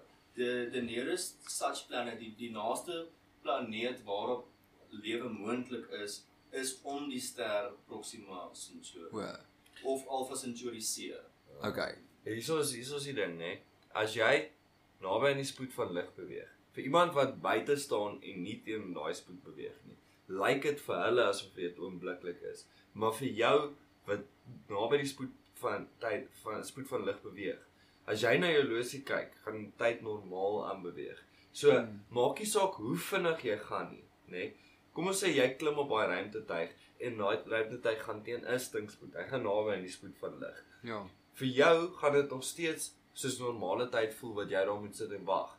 Maar as jy dan weer sou terugkom aarde toe, dan waar jy dalk 20 jaar vir jou verbygegaan het, het daar 100 jaar vir So dit gaan mense oor die terugkomslag ook, ou daai wat nee, mens nee, nee, omdraai. Dit, dit gaan oor die mense wat soos die as jy twee horlosies het, jy het nou hierdie s- Mm. hierdie hierdie um Ja, ek het daai ek het daai ding geluister van die wat- laserhorlosie wat ja, as jy nou die een het wat so vinnig beweeg, jy sit een horlosie op die ruimtetuig wat so vinnig beweeg en een op die aarde. Die een wat op die ruimtetuig beweeg. As iemand op die ruimtetuig sit en hulle gaan kyk, gaan tyd normaal vir hulle aanbeweeg. Gaan nie vir hulle voel asof tyd hulle voel of hulle slow motion motion of beweeg. dit tyd gaan vir hulle Ja. normaal wees. Maar daai horlosie op die uiteinde van die dag gaan um minder tyd verloor. gaan minder tyd verloop as die een op die aarde wat net daar op die grond gelê het. So vir die mense op die aarde sal daai 100 jaar wat jy moet gaan soontoe gaan dalk vir hulle lyk soos 20 jaar. Maar vir jou wat op daai ruimtetuig is, gaan dit nog steeds 100 jaar wees. Hmm. So jy verstaan. So Ek sou dink is andersom want ek het ge, Ja. ek het gehoor want ek, toe ek het 'n podcast geluister oor time dilation. Toe sê hulle as jy terugkom, dan gaan jy dalk 10, 20 jaar jonger wees as die mense ja, hierso. want dit maar dis wat ek sê, vir vir jou vir jou het tyd tegnies stadiger half beweeg. Die Ja, mense maar dit- die- maar dit- in die space. Ja, Ja. maar dis hoekom jy jonger is as die mense op die aarde. Hmm. Maar vir jou moes jy nog steeds 10 jaar gewag Hmm. het. So kom ons sê kom ons ja. sê jy beweeg vir 10 jaar lank teen die helfte van die spoed van lig, Ja. nê? Nee? Dit gaan nog steeds vir jou voel soos 10 jaar, maar wanneer jy terugkom op aarde toe en So jy is vra vir is hulle, gaan hulle vir jou sê nee, dit was 30 jaar gewees. Jy verstaan. O, okay. So julle tyd gaan net nie ooreenstem nie. So dan is dit is dit is dit meer vir vir die persoon op die ruimtetuig wat so vinnig beweeg. Is dit meer dat ander tyd vinniger vir jou beweeg? Ja, maak nie saak waar jy is, wat jy is. Dis soos die spoed van lig. Spoed van lig is altyd konstant. Ja, so is ja. tyd altyd konstant wanneer as jy daarna kyk. Hmm. Jy verstaan. Ja, ja, ja. Maar jou tyd en my tyd gaan nie dieselfde wees as een van ons bietjie vinniger as die ander een beweeg nie. So maak nie saak wat 'n mens doen nie vir die persoon wat nou soos as jy 5 jaar ligjaar ver moet beweeg. Dan moet jy gaan maar altyd dit gaan vir altyd vir jou voel soos 5 ligjaar. ja. Soos daai soos as jy is teen die spoed van lig beweeg. ja, ja, ja. Maar jy gaan ja, Want jy kan nie vinniger as die spoed van lig by 'n plek Ja. jy kan nie jy kan nie teen die spoed van lig by Ja. plek aankom nie. Maar dit is hoekom ek het maar dit is hoekom ek net gewonder het nê nee, oor hierdie hierdie die time dilation ding want O, ehm um, as want ek het gedink so sê maar jy jy want gaan dit vir ons ook lyk as so so dit gaan nie vir ons lyk as ons 'n ruimtetuig nou wegstuur en dit vat 100 jaar om daar uit te kom asof dit 100 jaar vat nie. Dit gaan vir ons dalk lyk asof dit 10 jaar gevat het. Ja, ek is nie ek is nie heeltemal seker oor daai oor daai punt van of dit vir ons gaan lyk asof die trein te tyd vinnig geraai kom. Ek is seker Okay. oor daai. Ons ons ek, ek, ek sal die volgende keer weer ek sou weer, weer vra daarvan. Nee, dis oukei. Maar ons ons ons hou dit in gedagte dan lees ons daaroor. Ja, nou Ja. ons volgende keer daaroor. Hmm. Ou, ek het ek het laas jaar in November vir Christian 'n uh, 'n uh, hele reeks van voice notes gestuur waar ek uitgebom het ou. Herinner my. ou. Okay. So so CRISPR is iets wat ons ontdek het oor hoe ons immuunstelsel teen virusse beklei. So daar's 'n proteïen en hierdie proteïen lyk soos 'n skêr. Hy lyk letterlik soos 'n skêr. En jou immuunstelsel en bakterieë se immuunstelsel kan vir hierdie skêr proteïen um 'n stukkie DNA gee. En as hy hierdie stukkie DNA het, dan gaan soek hy daai stukkie DNA. En as hy hom kry, dan knip hy hom in die helfte. Hy knip hom in die helfte. Maar hoe Dit weet is hy hoe weet jy as hy die regte een is? Ou, dit is dit is 'n baie komplekse chemie ding. Onthou, wanneer jy dink aan proteïene en goed. Soos as ek sê hy is lyk soos 'n skêr. Dit is letterlik 'n verbinding wat lyk soos 'n Yes, skêr. Ja. En as jy dan hierdie stukkie Ek het al foto's van hierdie ding As jy gesien. dan 'n stukkie DNA vir daai ding gee, dan is daar 'n hele chemiese proses wat aangaan om hom te trigger om so half toe te maak wanneer hy naby 'n selfde En hoe- molekuul hoe, kom. hoe het hy geweet om soontoe te gaan? Hy hy flout rond, bro. Hy flout letterlik. Weet jy baie van dit dan? Die- Ja, jy's baie. Dan is die ding wat ek gewonder het oor dieselfde ding wat ons voor die vorige episode gepraat het van hoe weet 'n sny um wanneer om homself gesond te maak. Want dit het ons gepraat van die sel Ja, ja, wat ja. langs aan is, daai ding van dan probeer hy nog 'n sel wat soortgelyk is langs om te maak totdat die die sny weer toe is, dan kom hy agter okay, ek het 'n soortgelyke sel langs my so ek hoef nie meer te verdeel nie. Ja. Maar hoe weet die DNA van daai ding dat daar nie iets langs hom is nie? Ja, ja, soos ek ek dink ek verstaan heeltemal mooi wat jy vra nie, maar Maar so maar kom ek kom ek stel die die die die ding van voor af, né? So jy kry nou 'n sny ja. en in die die selle wat nou daar by die sny is, kom die DNA op 'n manier nou agter, okay, hierso is 'n sny. Dan switch hy die die geen aan wat nog daar nog van daai selle maak. Ja. En wanneer daai sel nou weer langsom 'n velsel het, dan hoef hy nie meer ietsie nog 'n sel te maak nie. Dan sit daai geen weer af. Ja. Nou, hoe weet daai geen dat daar iets langsom is nie? Want hy onthou jou selle het die hele tyd interaksie met mekaar. Yes. Soos uh, dit is soos jy basies as 'n mens, jy kan jouself as een groot sel sien. Jy asem suurstof in en jy asem koolstofdioksied uit. So so het elke sel suurstof wat hy inneem en hy het 'n afvalproduk wat hy uitgee. So die sel langsaan kan ook agterkom o, hierdie afvalproduk kom nie meer van hier van af nie. En onthou jou selle ruil ook baie keer resources met mekaar en en en en en.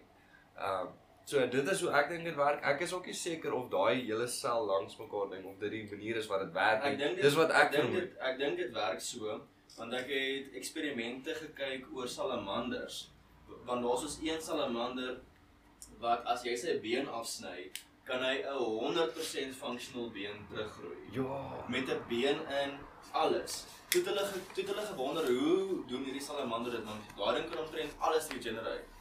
Ehm um, en wat hulle gedoen het is hulle het ook vermoed dat dit gaan oor die selle wat langs mekaar is en die selle weet wat se selle langs hulle moet wees. Toe het hulle 'n 'n blokkie vel uitgesny hier van die hand af byvoorbeeld en dan dan implant hulle dit op die salamander se voorarm. Dan groei hy Dan aan. groei hy hand daar. O, so dit is hoe dit werk. Ja, dit is. Ja. Of at least in daai salamanders. so- En die salamander, maar die die vraag is net vir my soos kom ons sê nou daar daar daar daar is nou een of ander chemiese trigger. Hoe weet daai ding, okay, ek kry nou hierdie chemiese trigger, so nou moet ek hierdie skertjie soen Nee, onthou, hy hoef nie te weet. Daar's Ek weet hy weet chemies- want dit hy het nie maar brein nie, maar dit is daai hele chemiese trigger is wat dalk maak dat onthou, as ek gesê dis 'n che- chemiese verbinding wat lyk soos 'n skêr, nê? Nee? Mm. So as hy dalk interaksie het met daai mugshot van hierdie DNA wat hy gekry het en saam met hom ronddra, dan maak dit net dat die daai skêr toemaak. Jy verstaan so op En maak en of en, een of ander daar's een of ander chemiese interaksie wat maak dat daai skerpie toemaak. en hy sal jou DNA af afhangende van wat met jou gebeur het, jou DNA op verskillende plekke sny of Ja, so daai goed float rond in jou lyf, nê? Hmm. En as hy daai mugshot wat hy gekry het van daai DNA, as hy so ene kry, dan knip hy hom stukke. hmm. Hy knip daai DNA crazy. stukke. So, imagine jy het nou die griepvirus. Hmm. Jou lyf het al voorheen die griepvirus gehad. Hy het- nou sê vir jou immuunstelsel luister, hierso's 'n stukkie DNA van die griepvirus wat ek oorgehou het van laas keer toe ons griep gehad het. Hmm. Soek hierdie stukkie DNA en dan knip jy hom stukke. En dan vrek jy die die griepvirus binne in jou want jy het nou net sy DNA opgesny, so hy kan nie voortplant nie. Dis flippend. So.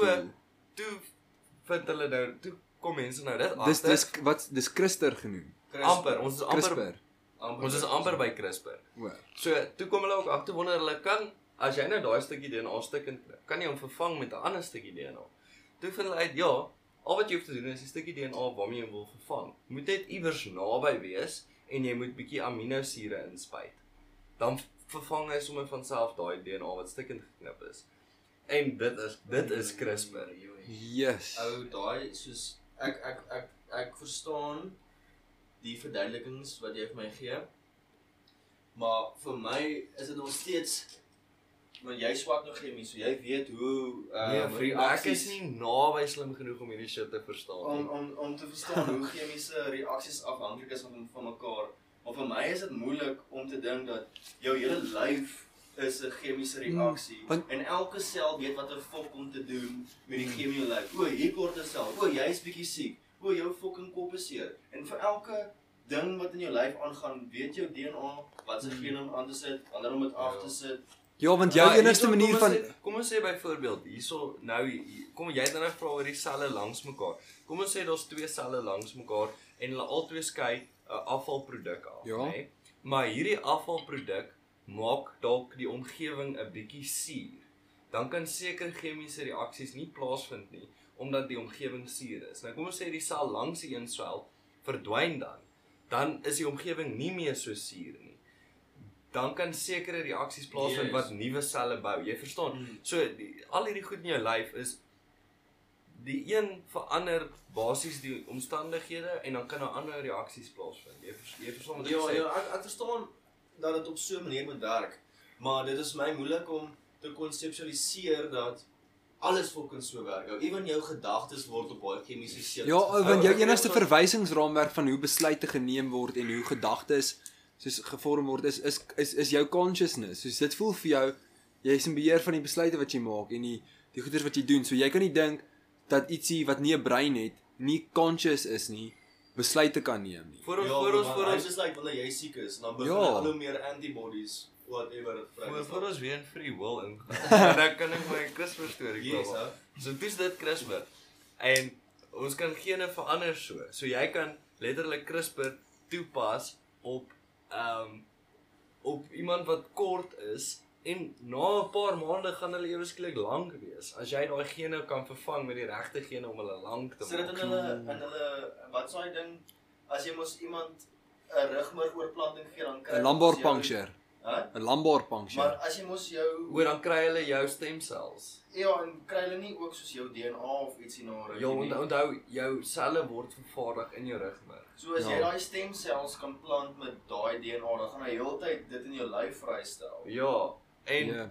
Dink jy dan kan dink jy dan soos is 'n mens jonk is of wat ook al, dan kan jy mense betaal om jou om jou DNA om om jou om jou soos Dit gaan die volgende steroids wees. ou. ja, ja, dit- dan dan maak jy jouself slimmer, meer effektief, langer, sterker. gaan, vriend. Dis Yes, hierdie storie let's gaan. go. Donder. Gaan ja, praat verder so, asseblief. So laas jaar in November, toe het 'n Chinese wetenskaplike wat sy naam ek verkeerd gaan uitspreek. Nee, sy naam is He John Smith. He Jianku. He Jianku het twee tweeling babas, Nana en Luka gemaak. Luku, Lulu, Nana en Lulu gemaak. Hy het hulle deur CRISPR het hy hulle geslag gekies en hy het gemaak dat hulle nie die CCR5 proteïene kan produseer nie. Nou sonder die CCR5 proteïene kan vigs nie jou selle binne dring nie. So jy kan nie vigs kry nie. Nou die interessante storie hiervan is hy het dit alles 'n geheim gehou tot daai babas gebore was. Toe sê hy vir die wêreld, "Hey, hierdie is wat ek gedoen het." En nou het dit gedoen, toe toe bom die hele wêreld uit want hierdie is so kontroversieel soos gebeur. So kom hy so skelm gehou. Ja, Ja. toe bom die hele wêreld uit want dit is so kontroversieel.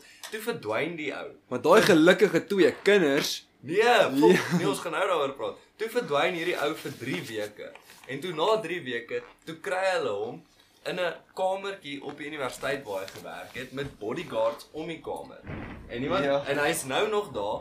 Niemand weet of hierdie bodyguards hom beskerm of hom binne hou nie. So, ja, daar's 'n freaky deel. En niemand kon bewyse kry of die Chinese regering geweet het of nie geweet het van wat aangaan nie. En dis 'n ander ding. Ek dink nie hy kon dit in total secrecy gedoen het nie. Hy moes ten minste 'n paar assistente gehad het. En weet jy wanneer Ek dink ook so. dit dit, is so moeilik om 'n secret te hou. Die oomblik wanneer jy vir iemand vertel, jy kan nie eers daai daai projekkie saam met twee mense doen nie, want dan is jou risiko fucking eksponensieel Ja, meer. Imagine as net 5 mense 'n geheim moet hou. Oh, yes. hy selfs impossible. een, eh, selfs nie, twee in plaas van net jouself. So die probleem nou hier hiervan is hierdie Yi Jianku wat ook John Smith. John Smith, kom ons noem hom John Smith. John Smith het vir hierdie twee babas se ouers gesê dat hy navorsing doen in 'n vigs inenting in. So hulle het nie regtig gefokus weet dat hierdie ou besig is om sy baba, hulle babas te tailor soos wat hy hulle babas fokus Maar het die ouers dan nou gedink die inenting gaan plaasvind direk na conception. Ja. Ou dit Hoe was volk. hy het hierdie mense so omgepraat. Nou die die probleem hiermee natuurlik is daar is mens weet nie as jy geen vervang wat se ander mutasies jy veroorsaak nie. Soos byvoorbeeld deur hierdie proteïen uithaal het hulle later uitgevind dit het hierdie baba slimmer gemaak. sien en hy het nooit geweet dit gaan gebeur Hmm. nie, maar ons 10000 biljoen sulke goeders wat kan gebeur wat jy nie bedoel het So hy kon gemaak het dat hulle ekstra hand by hulle voorkop Hy uitgooi. kon enigiets gemaak het. Hy kan maak dat hulle een of ander siekte kan kry wat crazy is of iets. En 'n ander ding wat hy dit ook kan veroorsaak is 'n ding wat mosaïekisme genoem word. Dit is wanneer in jou lyf, meeste van jou selle het dieselfde kromosome, het dieselfde DNA binne in hulle want dit is jou DNA. Maar hierdie kinders verskillende selle het verskillende kromosome omdat omdat hy nou mos gegaan het en die kromosome gaan Ja. verander het. So van hulle selle het 'n sekere soort kromosoom, ander selle het 'n ander soort kromosoom. Maar hoekom het almal nie verdeel om dieselfde DNA te Want dit daai verandering, die CRISPR metode het nie in al die selle die verandering aangebring nie. En nou van die selle plant nou die gekrisperde kromosome voor en die ander selle plant die oorspronklike kromosome Nou nou voor. nou is die vraag hierdie vraag. So daar's ons nou nou net twee soorte DNA, né? Nee? Ja, daar's twee verskillende Ja. soorte kromosome. Um en, en nou die vraag wat ek nou volgende wil vra, volgvraag is, soos kom ons sê nou 50% van daai persoon se selle is CRISPR selle en en die ander 50% is natuurlike selle. Gaan 'n persoon wat 100% CRISPR selle het dan se effekte meer pronounced wees. Gaan hulle want ons het nou gesê jou jou intelligensie word meer as gevolg van hierdie CRISPR DNA. As jy nou 100% CRISPR DNA het, gaan jy nog slimmer wees. Uh, nee, maar ek dink jy gaan ek dink nie so nie, maar wat ek vir jou met 100% sekerheid kan sê is as jy 100% van die CRISPR selle het, het jy 'n groter kans om dieselfde kromosome aan jou kinders oor te plant. Mm. Waar jy dalk 'n 50-50 chance het as jy 50-50 het. So ja, ek dink dis dit maak dit jou kans groter om voor om dit voor te plant. Maar wat ek wat ek wel dalk dink is, kyk, dit sou jy dalk nou nie noodwendig slimmer maak as 100% van jou selle 'n CRISPR is nie, maar ehm um, ek dink as 100% van jou selle CRISPR selle is, dan gaan jy dalk beter AIDS kan fight want daai goeders gaan in die selle in en en beïnvloed die en beïnvloed die kern van die sel. Maar onthou jy hoef nie jy hoef nie vigs te keer om by al jou selle in te kom. Jy moet dit Ja. net keer om by jou rooi bloedselle in te kom. So wat Maar hy die helfte van jou rooi bloedselle is CRISPR en 'n ander helfte nee, van jou nee, bloedselle hy is dit van- reg gekry. Al die rooi bloedselle is O, is Dis maar net dis dis maar- al sy ander kromosome van soos soos van die selle in die hart en die selle in O, daai en jy So helfte van hulle- Also 50-50 maar bloed is 100%. Ja, ja, ja. Nou maar Hierdie dan 'n hierdie konspirasie. Of nie, hy 'n konspirasie, 'n goeie plan gedink. Hierdie mosaïekus man, ons baie lelike siektes veroorsaak. Regtig, ou? Ja. Wat 'n soort siekte? soos mutasie siektes ou. Wow, soos na geboorte of Ja, na geboorte eendag wanneer jy 20 is, fucking soos hy gesê het, groei 'n hand op jou kop Mm. of jy jou jou lyf begin homself reject soos die een selle se immuunstelsel reject die ander selle. daai Dit is my die scarieste tipe siektes dit wat daar is. Pieslik raak. Donder dit. Ja. En en die ander ding is, hierdie het in China gebeur, nê? Nee? China is soos totalitarianism. Totaler is ja. Daar's my woord Nee. vriend. Nee, Hulle het sal China is soos die eerste land wat ek sal verwag om CRISPR te gebruik om 'n super army te maak, Ja. nê? Ja, dan gaan hulle uit die eerste paar Olimpiese spele na CRISPR gaan hulle geban word want hulle atlete is CRISPR atlete En- en dan Of dalk vlieg ons net- tot Ja. tot almal CRISPR atlete is. Ja, so, en die ander ding is ook Ja. ehm wat ek o, vigs is nogal 'n probleem in China. Ja. Ja, dis omdat hulle hulle soos hulle bloedbankregulasies en goed is nie baie goed nie. En daar's Ja. niks sex sex education in in China nie. As jy in China gaan vir 'n operasie en jy kry 'n bloedoorplanting, al, dan is jy Nee. Jy doen dit so. Dan is jy bang vir ja, jy doen dit met jou vingers gek- gekruis Ja. ou. Jy is bang want kans is goed jy Ja, gaan niks vigs kry. wel. Ja, jy hou niks ou. Kom 'n try kry. So, nee. Gaan jy na huis toe aan? Ja, gaan 'n try kry in die kar. O. Yes. Ja, ou. Maar ek het nou amper gedink in my kop het ek nie geimagine dat China 'n uh, 'n AIDS-probleem sou hê nie.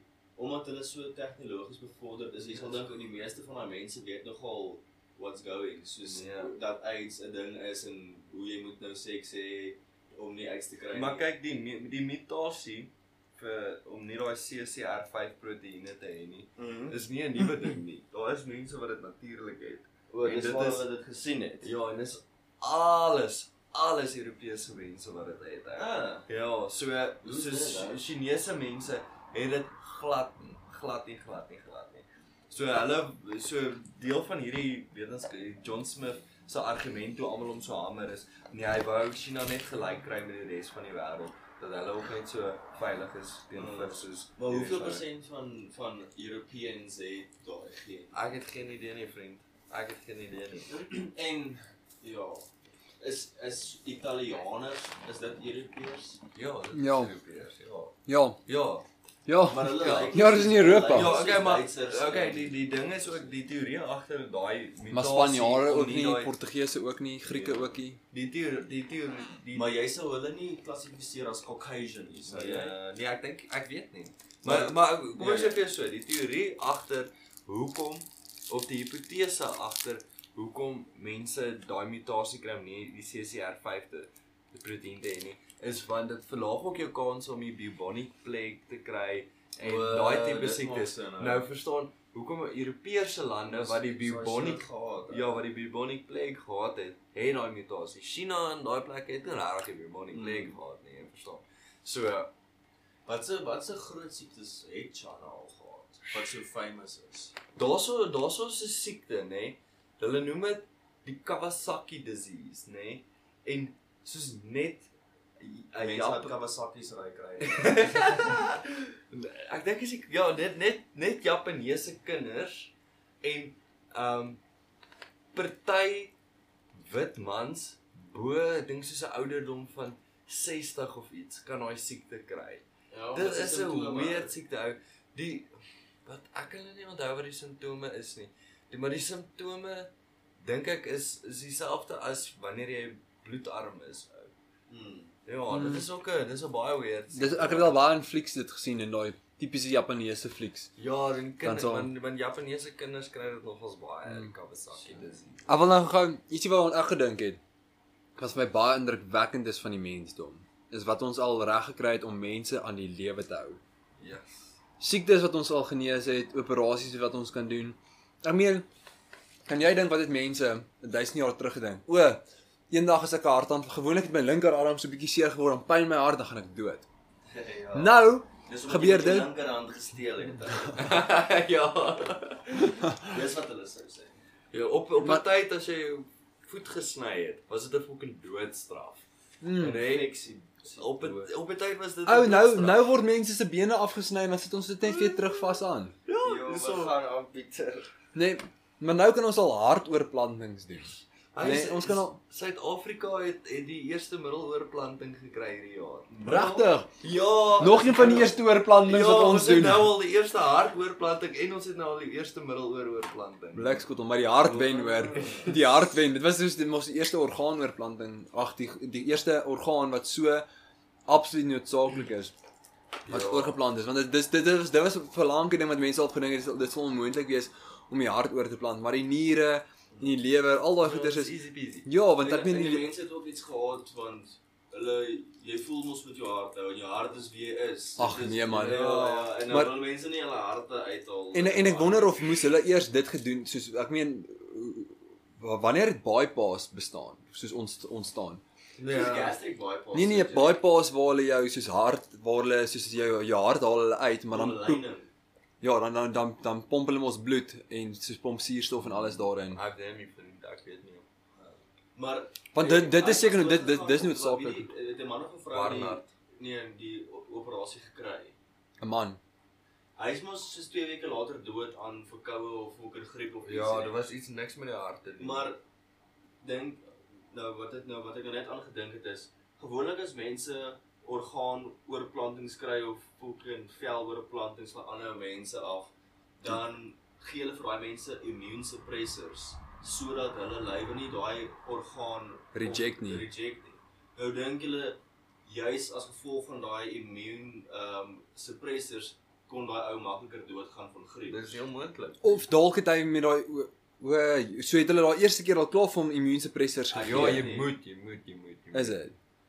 Ja, dis nogal so jy moet dan dalk eintlik nog soos maar jy moet nou mos nou deesdae nogal lank in die hospitaal bly voordat jy gerelease word na sekere oorplanting gekry het. ja. Ja. Dis dis die rehab daarvan soos is nogal lank en nie maar ek meen jy hoef nou nie te oefen of soos enigiets om soos deur rehab te gaan nie, maar die herstelproses weet ek is baie lank. Ja, en en jy is die ding van die immuunsuppressors wat hulle jou gee. Jy word vir 'n rukkie in kwarantyne gehou en dan ehm um, soos wanneer jy huis toe gestuur word, dan ja, huis moet immaculately skoon wees. Jy moenie mense soen groet en en daai tipe dinge nie. So dit is Mm. nogals erg. dink vir ewig medisyne. Mm. Nog 'n 'n cool ding wat Mense is lewendig. wat ons reg gekry het, ehm um, was met Parkinson's disease.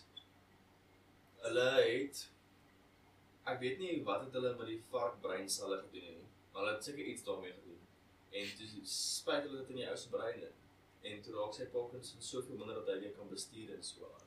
Joke. Yes. En ek het gesien waar hulle uh, 'n storie gesien, kan onthou wat se dokumentêr op dit. Kan ietsie soos Through the Wormhole gewees het waar hulle 'n 'n rotse breinselle op 'n op 'n op 'n 'n ding soos 'n petri dish Ja. sit en dan connect hulle elektrodes daaraan en toe het hulle dit geconnect aan 'n flight simulator op 'n manier.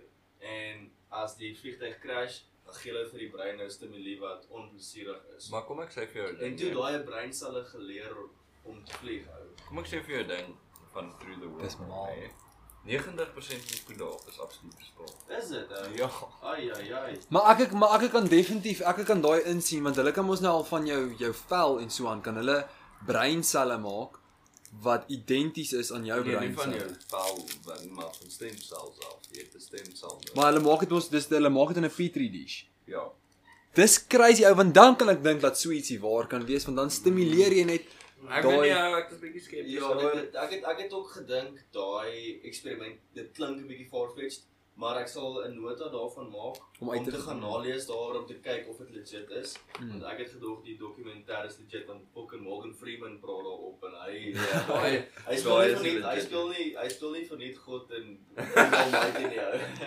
Nee, Ja. daar's 'n daar 'n paar van daai ehm um, van ek het baie goed gesien daarop wat nonsens was. Uh, En 'n paar van daai wetenskaplikes wat hy daarop gehad het, was wel wetenskaplikes, maar hulle soos in die afgelope 20 jaar nooit iets gepublish Hmm. nie. So En die ander ding Hmm. wat ek ook gesien het wat nogal cool was, wat hulle ook 'n varkhart vat en dan pomp hulle een of ander soos seep solution deur die hart en dan spoel dit al die selle uit die hart uit. Dan bly daar dit lyk amper soos jy soos kraakbeen amper mm, wat hulle noem is 'n scaffolding. En dan spuit hulle daai ding vol mense soos 'n mens se stemselle. En dan kom daai ding nou agter ek moet nou ek nou 'n hart word en dan groei hy in daai in daai weefsel in en dan begin hulle bloed deur hom te sit en dan dan sit hulle elektrodes op hom dan shock hulle hom bietjie dat hy moet trek, trek, trek en na 'n week of so dan kan hy self contract. En die beste wat hulle nou al kan doen, ek dink is 25% van 'n van 'n normaal van 'n gesonde hart se sterkte. Dis nog wel goed, hè, maar yes, maar hoe gaan jou lyf daai nie reject nie? Yes. Nee, maar dis jou eie stemselle. broer. maar maar op 'n tyd Maar is dit maar maar is dit nie Okay, maar hoe hoe pomp hulle daai in daai kraakbeen ding in? Is daar niks vleis of enigiets nie? Nee, ek gaan nou 'n foto van dit soek, dan sal ek dit vir julle wys. Ehm um, maar daarso is niks selle met DNA oor in daai ding nie. Ek kan nie imagine hoe hy daai struktuur hou dan nie. Mm. Maar dan spuit hulle dit in en dan is jou DNA die enigste DNA daar binne en dan maak hy 'n hart wat jou DNA dan Dalk is dit soos 'n kraakbeen wat sponsagtig is. Kom kom ek vertel vir jou wat hulle soos hoe hierdie hele stemsel ding op half begin het. Is hulle het skape en varke gevat en stemsels in hierdie skape en varke ingespuit. Hm? Dan groei hulle 'n hart so groot soos 'n mens se hart en met die doel om hierdie hart oor te kan plant van die vark uit in 'n mens in. Maar dit was dit het opgeëindig om so moeilik te wees om dit te doen dat hulle dit nou so in petri dishes begin doen Mm. So dit is nog steeds dieselfde waarvan jy het 'n lewende jy het 'n lewende gewesel wat jy inplant met hierdie stemsels. En jy moet die regte selle gebruik dat hy 'n hart groei. Jy moet die regte selle gebruik dat hy 'n oog groei of whatever. En dan van daar af begin hy groei. So jy gee op 'n manier vir hom voeding en whatever en dan begin hy groei wat jy wil hê hy moet groei. Dit Ja. beantwoord dit die vraag? Ja, dit beantwoord die vraag. Hierdie hierdie is 'n foto van daai hart. Dit dit is 'n collagen structure. Nou klink maar die collagen het nie vark DNA in. Ja. Ja, ek het okay. Ja, nee nee nee, nee, hy het hy het net hy donker gegaan net soos hy hom van het. Mekaar. Hard dan nou removed from Ja, okay. washed in detergent to remove heart cells. Colla- collagen skeleton of heart left behind. Stem cells taken from patient grown op die. Maar kyk Hmm. as jy Jy sê hulle kon 'n 5 uh, een kry met 25% so sterk soos regtig normale hartmus.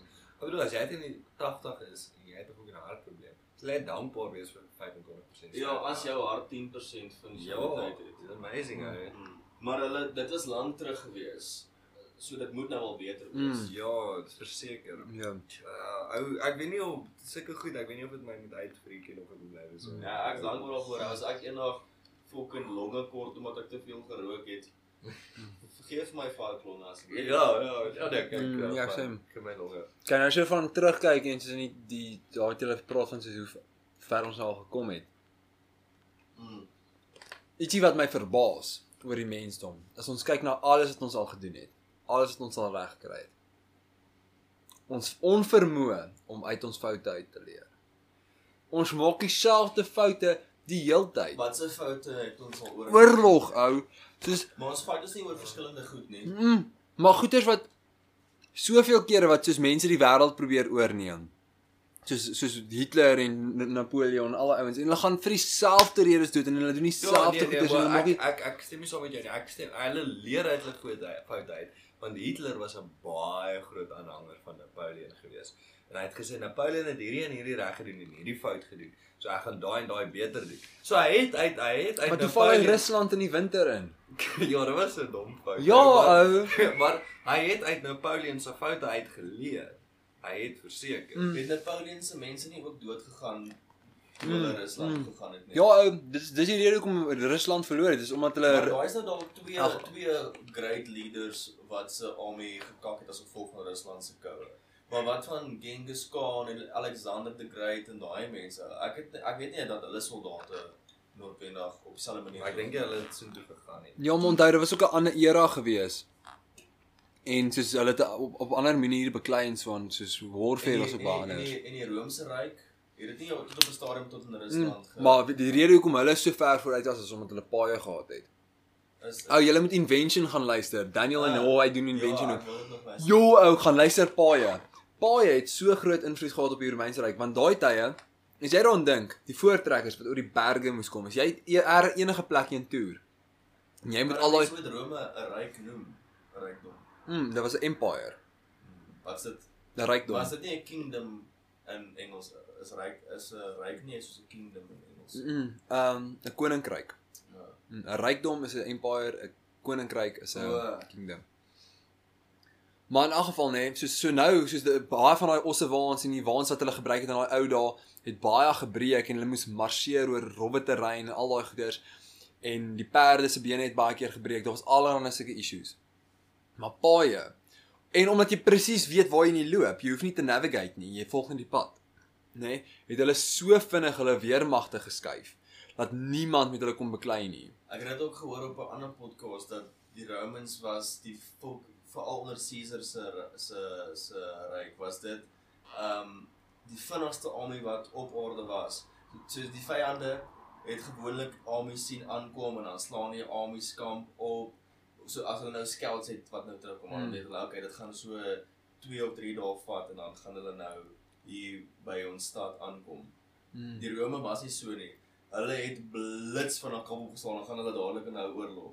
So die mense was baie van die kere nie reg gewees vir oorlog nie, want hulle hulle is nog besig met preparations. Maar die Romeine was die hulle eerste mense wat so die so 'n Rome 'n 'n legit military ook gehad het. Hmm. Want hulle het 'n gestruktureerde soos stelsel gehad. Almal wat voor dit oorlog gevoer het, was mense van almal kan 'n bietjie sword fight doen. Jy het nou soos hierdie twee dele van julle army wat hardloop of wat ook al, maar hulle het soos ek meen dit was maar jy, jy wanneer daar oorlog was, dan roep hulle jou van jou plaas af en jy kom fight. Is daar nog- sulke goeders, maar- nog foute wat vir jou uitstaan wat mense geraak? Ou, oh, soos ek moet sê, ietsie wat vir my vir, vir my vir my groot is, is ek wag, vo, voordat ek daai daai sê, nee, ietsie wat ek net wou sê oor die Romeine. Nee, wat vir my wat vir my snaaks was was van van hulle weermagte. Nee, was dat hulle so ehm um, effektief gewerk het daai tyd want hoe oorreed jy iemand nê nee, wat soos 'n boer is en soos vir jaar vir jare lank beklei ons net soos wanneer daar oorlog is om 'n deel van 'n weermag te word. Jy sê vir hulle ons gaan die hele tyd oorlog maak. Dit is vir my soos ietsie wat fucked up was van die Romeine. Hulle het beplan om oorlog te maak om die wêreld oor te neem. Dit was nie al 'n ding gewees van ons beskerm ons beskerm ons land nie. ons wil almal se lande hê. Ons wil alles hê. Ou Dit was vir my crazy geweest dat hulle so baie voorbereiding gedoen het daarvoor. En sê nou maar ek het ek is in beheer van 'n uh, empire wat die potensiaal besit om die wêreld oor te vat. Sal ek dit nog steeds nie doen nie ou. Want hoe 'n volk gaan jy beheer hou oor die hele wêreld se Ja, lande? ou. nou wat, wat jy gaan doen is jy gaan leiers by elke land aanstel want jy kan nie heeltyd by elke land wees nie. En hoe lank gaan dit wees voor daai leiers besluit besluite vir hulle self begin neem of whatever. Hoe gaan jy as jy onder beheer hou? Maar hier is die ding wat jy nou wat jy nou mis. Jy sê jy sal nie as jy die krag gehad het, sal jy dit nie doen nie. Maar almal wat dit al probeer doen, die Rome, die Hitler, almal, hulle almal het- Alexander the Great. Alexander Yes, Grey, hy hulle was- almal okay, hy's hy, hy's 'n bietjie uitsondering in die geval wat ek nou wil sê. Genghis. Khan. Hulle het almal 'n geloof gehad, nê, nee, wat anders was. So byvoorbeeld jy was dalk jou landjie het nou die krag gehad om die hele wêreld oor te vat, maar jy sal dit nie doen nie. Maar kom ons sê nou jy was die enigste Christenland gewees en al die ander lande was moslems. Dan sê jy gesê my geloof is reg, ek gaan julle inval Ja. dat ons Christendom versprei. En dit is wat Hitler Baie ook probeer oor, doen het, hy het sy ideologie probeer versprei. En so dit is wat gaan aan gebeur ou. Jy jy sit nou daar byvoorbeeld kom ons sê nou my empire is na Rome. Nou het ek vir die hele wêreld my geloof nou geleer. Hoe onderhou ek die hele wêreld se geloof? Hoe maak ek seker dat die hele wêreld glo wat ek wil hê hulle moet glo? Dis hoekom die Crusades Jy ook so dom Jy was. gaan weer eens fucking mense moet aanstel Hmm. in daai lande want jy kan nie oral te wees nie. Jy hoe lank gaan dit jou vat om na elke land toe te gaan Mm. en genoeg tyd daar te spandeer om te kyk of almal die geloof volg wat jy wil hê. Mm, moet. maar weet nie hoe raak iemand so mal om te dink jy kan geloof op ander mense afforceer nie, want ek dink nie daar's 'n geloof daar buite. Okay, almal dink hulle is reg. Maar daar's nie 'n geloof daar buite wat soos sê soos moet jy geloof om mense afdwing of wat ook al nie. Nee, maar Behalwe- dit is dis mense se natuur om dit te doen. Nou jy En ek en maar kan nie verstaan Die nie. geloof hoef dit nie te sê nie. Want dit is waarby ek nou wil aansluit, nê. Die ding wat vir my die grootste uitstaan oor die mense wat ons daai fout oor en oor maak, is hoe laag ons regard vir human life is. En ek meen daar's so baie kere al in geskiedenis gewees dan lees mense van soos mense wat soos uitgemoor was wat verskriklik is. Daar was gevalle in die 1500s gewees, daar was gevalle in die 500s gewees, daar was gevalle in die 1800s gewees. Daar's altyd daai gevalle waar mense uitgemoor word en almal almal almal kyk terug en dink, "Jesus, daai was fucking erg geweest. Ek kan nie glo enigiemand het so iets gedoen nie." Maar dan elke nou en dan dan maak ons weer daai fout om te dink, "Jesus, ons is soveel belangriker as julle of ons verdien julle land soveel meer of julle is soveel minder werd as ons." Dat mense op groot skaal so baie mense begin doodmaak. Ek meen daar's nie ek dink nie daar's 'n stuk land of een of ander ding waarin jy kan glo wat iemand se lewe werd is nie. Ja, Maar- ja. Maar verstaan jy wat ek bedoel? Dat in 2005 met Rwanda. Mm -mm, ek weet nie wanneer nie. Maar dis dis ek dink dit is tussen 1998 en 2005, erns daarom. Toe het hulle 'n miljoen mense in 'n in 'n maand doodgeneem. Ek het 'n boek oor dit. Ja. Dis in die toetsies, bra. Ah, die boek is by jou, François. Ah, skus vir die. Ja, die Dis so is- erg. Nee, laat Dit ons was- na so was hier daar was baie mense bra. Dit Ja, maar dit was dit was ook daai daai hele geval is vir my so so similar aan aan aan die Nazis want wat sê maar se die Houthis of die Tutsi Mm. die, Hoe is nie maar die Tutsis? die, die, die een wat sê net die- die- die die- genocide gepleeg nie. die een van hulle was soos het die meeste van die besighede en die rykdom en goed besit en hulle die slimste mense gehad toe vermoor die ander een die ander een hulle uit daaroor en dit is presies die geval van Duitsland en die Nazis waar die Jode die slimmer volk was sorry dis nie diskriminasie nie ek dink nie so nie maar die Jode feite, mens kan die dit meet. Jode die Jode was die slimmer jy nie- generasie geweest Solank jy iets iets goed sê oor wit mense nie, is jy alraai. Oh, okay, sweet. Waar die Jode, die Jode was die slimmer generasie en hulle meer van meeste van die besighede besit. En toe sien nasies soos nee, hierdie is ons fucking land. Julle kan nie al die besighede besit nie. En toe begin hulle uitvermoor. En dis presies wat gebeur het by die Houthis en Tutsis. Ou. Dis verskriklik. Dis So daai generale het nie uit Hitler se foute uitgeleer nie. Ja. nee. Nee, hulle het nie. mm. Jy was reg, Pieter, mense leer nie uit hulle foute uit. Maar dat ek dat ek nie kan verstaan dat mense se gewete is ook wat die wat die ding wat vir my wat my ook bietjie baffel is dit kan nie net een ou wees wat so voel nie. Hoe kan so 'n groot groep mense op dieselfde tyd ewe skielik so sterk daaroor voel dat ons reg is om so Nee, baie nee, mense dis dood te maak? maak. Daar's net 'n paar, daar's net die Hitler glo en 'n paar van sy generale. Mm, Wat ek bedoel, hulle brainwash jou. En dan propaganda jy die res van die Maar dis wat ek bedoel. Hoe kan enigiemand maar ek weet nie wat die propaganda is nie. Hoe kan jy voel jy's justified daarmee om mense hulle dood te maak? oortuig jou. Ou, Hulle hulle oortuig jou. Hulle oortuig jou dat daar Hulle ander lande.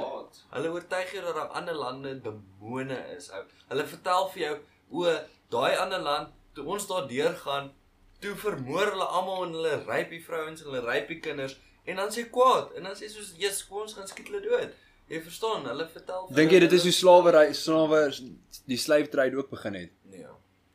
Was dit Ja, maar net- dit was nie dit was nie soveel um om jou land terug te kry van iemand af. Dit was nie baie Dit was Nee, net maar om ander mense- verniet arbeid. Ja. Nee, maar om ander mense te oreed dat jy beter is as swart mense, want hulle is diere. Nee, Of dink jy dit is ietsie wat ons net gehaat het?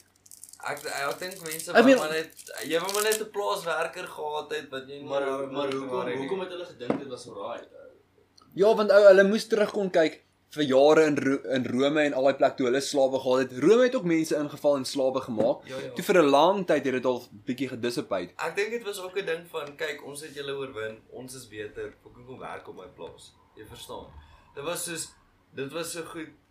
Ek en jy sit nou vas en Maar dan dan dan impliseer dit dat hulle vyande met mekaar was. En ek glo nie dat Afrika in die tyd van slawerny nee nee nee, vyand nie vir- dat jy hulle vyand was, nie, maar net dat jy hulle ingeval het in die feit dat jy hulle kon o- overpower en dan sê jy vir jouself, kyk hoe lewe hierdie mense want op daai tyd was was Europese lande tegnologies baie meer bevorder. Dan sê jy kyk hoe loop hierdie lewe hierdie mense, hulle loop in valleys rond, hulle gooi mekaar met spiese.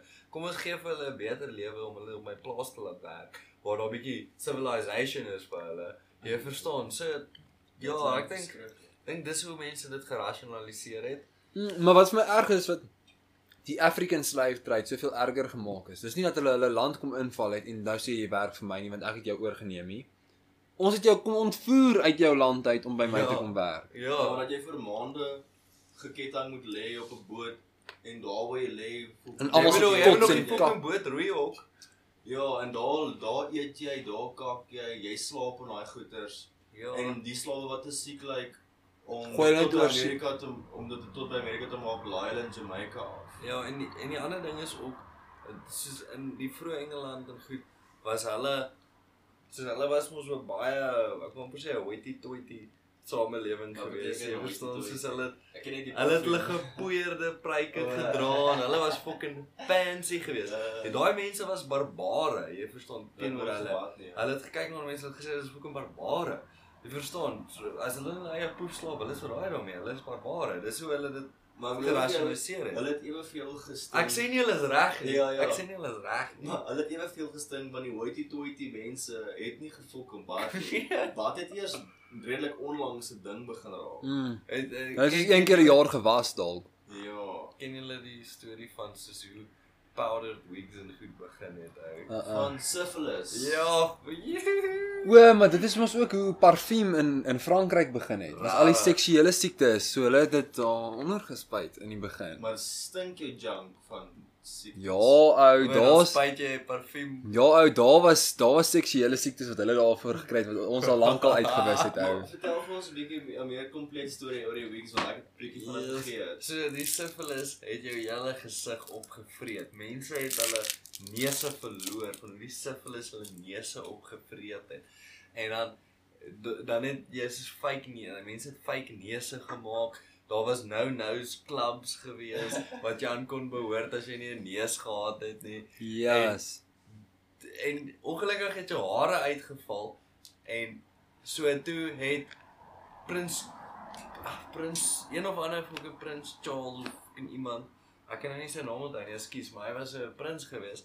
Toe kry hy syfilis, toe het hy nou genoeg geld toe maak hy vir hom 'n powdered wig om om nou uh, dit te cover. Maar toe begin die syfilis sy voorkop eet en sy ore en alles. So toe moes hy sy pryke al hoe groter maak om alles te cover, nê? Nee? So toe begin dit 'n fashion trend raak omdat die ryk mense doen. So ryk mense het genoeg geld om dit te doen. Nou wil almal soos die ryk mense wees. ja, so hoe groter jou pruik was, hoe beter was jy ou. Dit Maar meanwhile was die pruik groter om jou weggevrete gesig toe te maak. Ja, ou. Het jy al gehoor van die expression um big wigs? Mm. Dis mense in hoë Ja. plekke en dit kom van dit af. ja, big wigs. Ja, ou. Maar dis crazy, ou. Syphilis is gross, Ja. wat jy so opeet. Maar vandag, vandag as jy syfilis kry, gaan kry jy inspuiting, maar is jy Kan alright. jy dit nie soos beheer met ietsie stupid soos penicillin of iets? Ja, jy kry 'n penicillin inspuiting. Ja. Nou dan is jy die volgende dag as jy 100. ou As jy nie meer syfilis ag, nie. Penicillin het soveel mense se lewens gered. Weet jy hoe maklik is dit om te maak? Jy groei mos 'n bakterie of iets. Mm. Of 'n Ou muff. Muff het muff. Wat op brood. Maar ek dink net hoe maklik was dit om dood te gaan voor penicillin bestaan het. Ja, soos soos ek sê, die versny op jou voet was 'n doodstraf. Ja, as nou op die voet is voel dis net klaar. Ja. Dis hoekom hulle maar wonde toegebrand het mos. Ja, maar dit was ook om die bloeding te stop, nee. Maar soos selfs in soos snye deesdae het het hulle op die ouene dit begin brand. Om al daai soos vleis dood te brand dat jy nie soos 'n ins- 'n infeksie daarvan Maar die ding kry is nie. as jy sweer. nee nee nee onthou, onthou, dit was 'n baie dit was 'n baie sensitiewe ding daai. As hulle jou been afgesit het in daai dae voor daar antibiotika was, moes hulle dit brand om die bloeding te stop. Maar as jy dit te veel brand, nê, nee, dan maak jy te veel van die vleis dood. En dooie vleis gaan jy Ja. vir jou 'n infeksie gee. Ja, Ek bedoel jy weet 'n stuk vleis as jy hom daar los, hy gaan begin vrot. Ja. Jy verstaan, so as jy te veel gebrand het, sou jy juis infeksie gekry het. ou. En dit was en, en imagine imagine iemand met jou been afsit Hmm. en hom brand Dis sonder Verdowing. sonder verdowing. Staan daar staan daar iemand met 'n saag. Ja, ou nee, en ek saag ek dink jy sal ek dink jy sal uitpaas voordat hulle deur. baie mense het uitgepaas. Daar was 'n hospitaal gewees. Hierdie was my hierdie was die interessantste storie. Ek het dit nog, ek dink dit was op 'n lore podcast wat ek het geluister het, maar ek praat onder kon kon korreksie. Waar daar was hierdie hospitaal gewees en hierdie hospitaal was 'n baie goeie soos plek om nou te studeer wat het gebeur. Ja. Met hierdie hospitaal het mooi in die tyd bestaan. Hy het begin so rukkie voor hulle ehm um, verdowing uitgevind het. Die eerste verdowing was eter gewees. En toe het nog bestaan na die tyd na hulle eter uitgevind. Wat is daai is dit mos nie daai soos daai selfde as daai milk of the daai daai poppy milk wat hulle in Ek Engeland gehad het nie. Dis soeke swart soos eter eter dit ruik soos alkohol. Dit is uh, dit is 'n vieslike ding. Maar- Watter kleur is dit? Dit is deurskynend hè. O. Maar ehm um, toe in afval toe vind hulle eter uit. Nou wat gebeur het was die hospitaal se se ehm um, operasiekamer was op die tweede vloer gewees. Dat hulle ehm um, baars teen die vensters gesit het. Want die mense het in die middel van die operasies opgestaan en hulle self losge ge gestoei van die mense wat hulle vashou en by die vensters uitgespring om selfmoord te pleeg. So erg was die pyn geweest in die middel van daai operasie. Oh, Oh, en wat wat ook baie interessant was van hierdie hierdie hele eter storie was. Vandag gebruik ons nie meer eter as 'n verdowing nie. En daar's 'n baie goeie rede daarvoor. Eter paralyse jou. maar Dit vat nie die pyn weg. paralyse jou. Maar dit vat die pyn weg, dit paralyse jou. Maar soms paralyse dit jou, maar dit vat nie die pyn weg nie. Dit gaan oor die hoeveelheid. Soos te veel gaan jy dood. Te min, Oh. te min is jy Net paralyzed, my jy voel alles. voel pyn. Nou imagine daai gevoel van Jy kan nie beweeg nie, jy kan niks doen nie. beweeg nie. Jy kan nie eers sê eina nie. Maar hoeveel mense het dink jy mense het dalk dood gegaan dan van hartaanval of van skok? Ek Is hulle so soos dink vriend. Ja, die mense as jy 'n operasie gehad het, soos daai tyd voor verdowing, het jy PTSD gehad na die tyd. Imagine as moderne narkose jou verlam maak, maar dit maak jou nie niks voel nie, maar dit maak jou vergeet.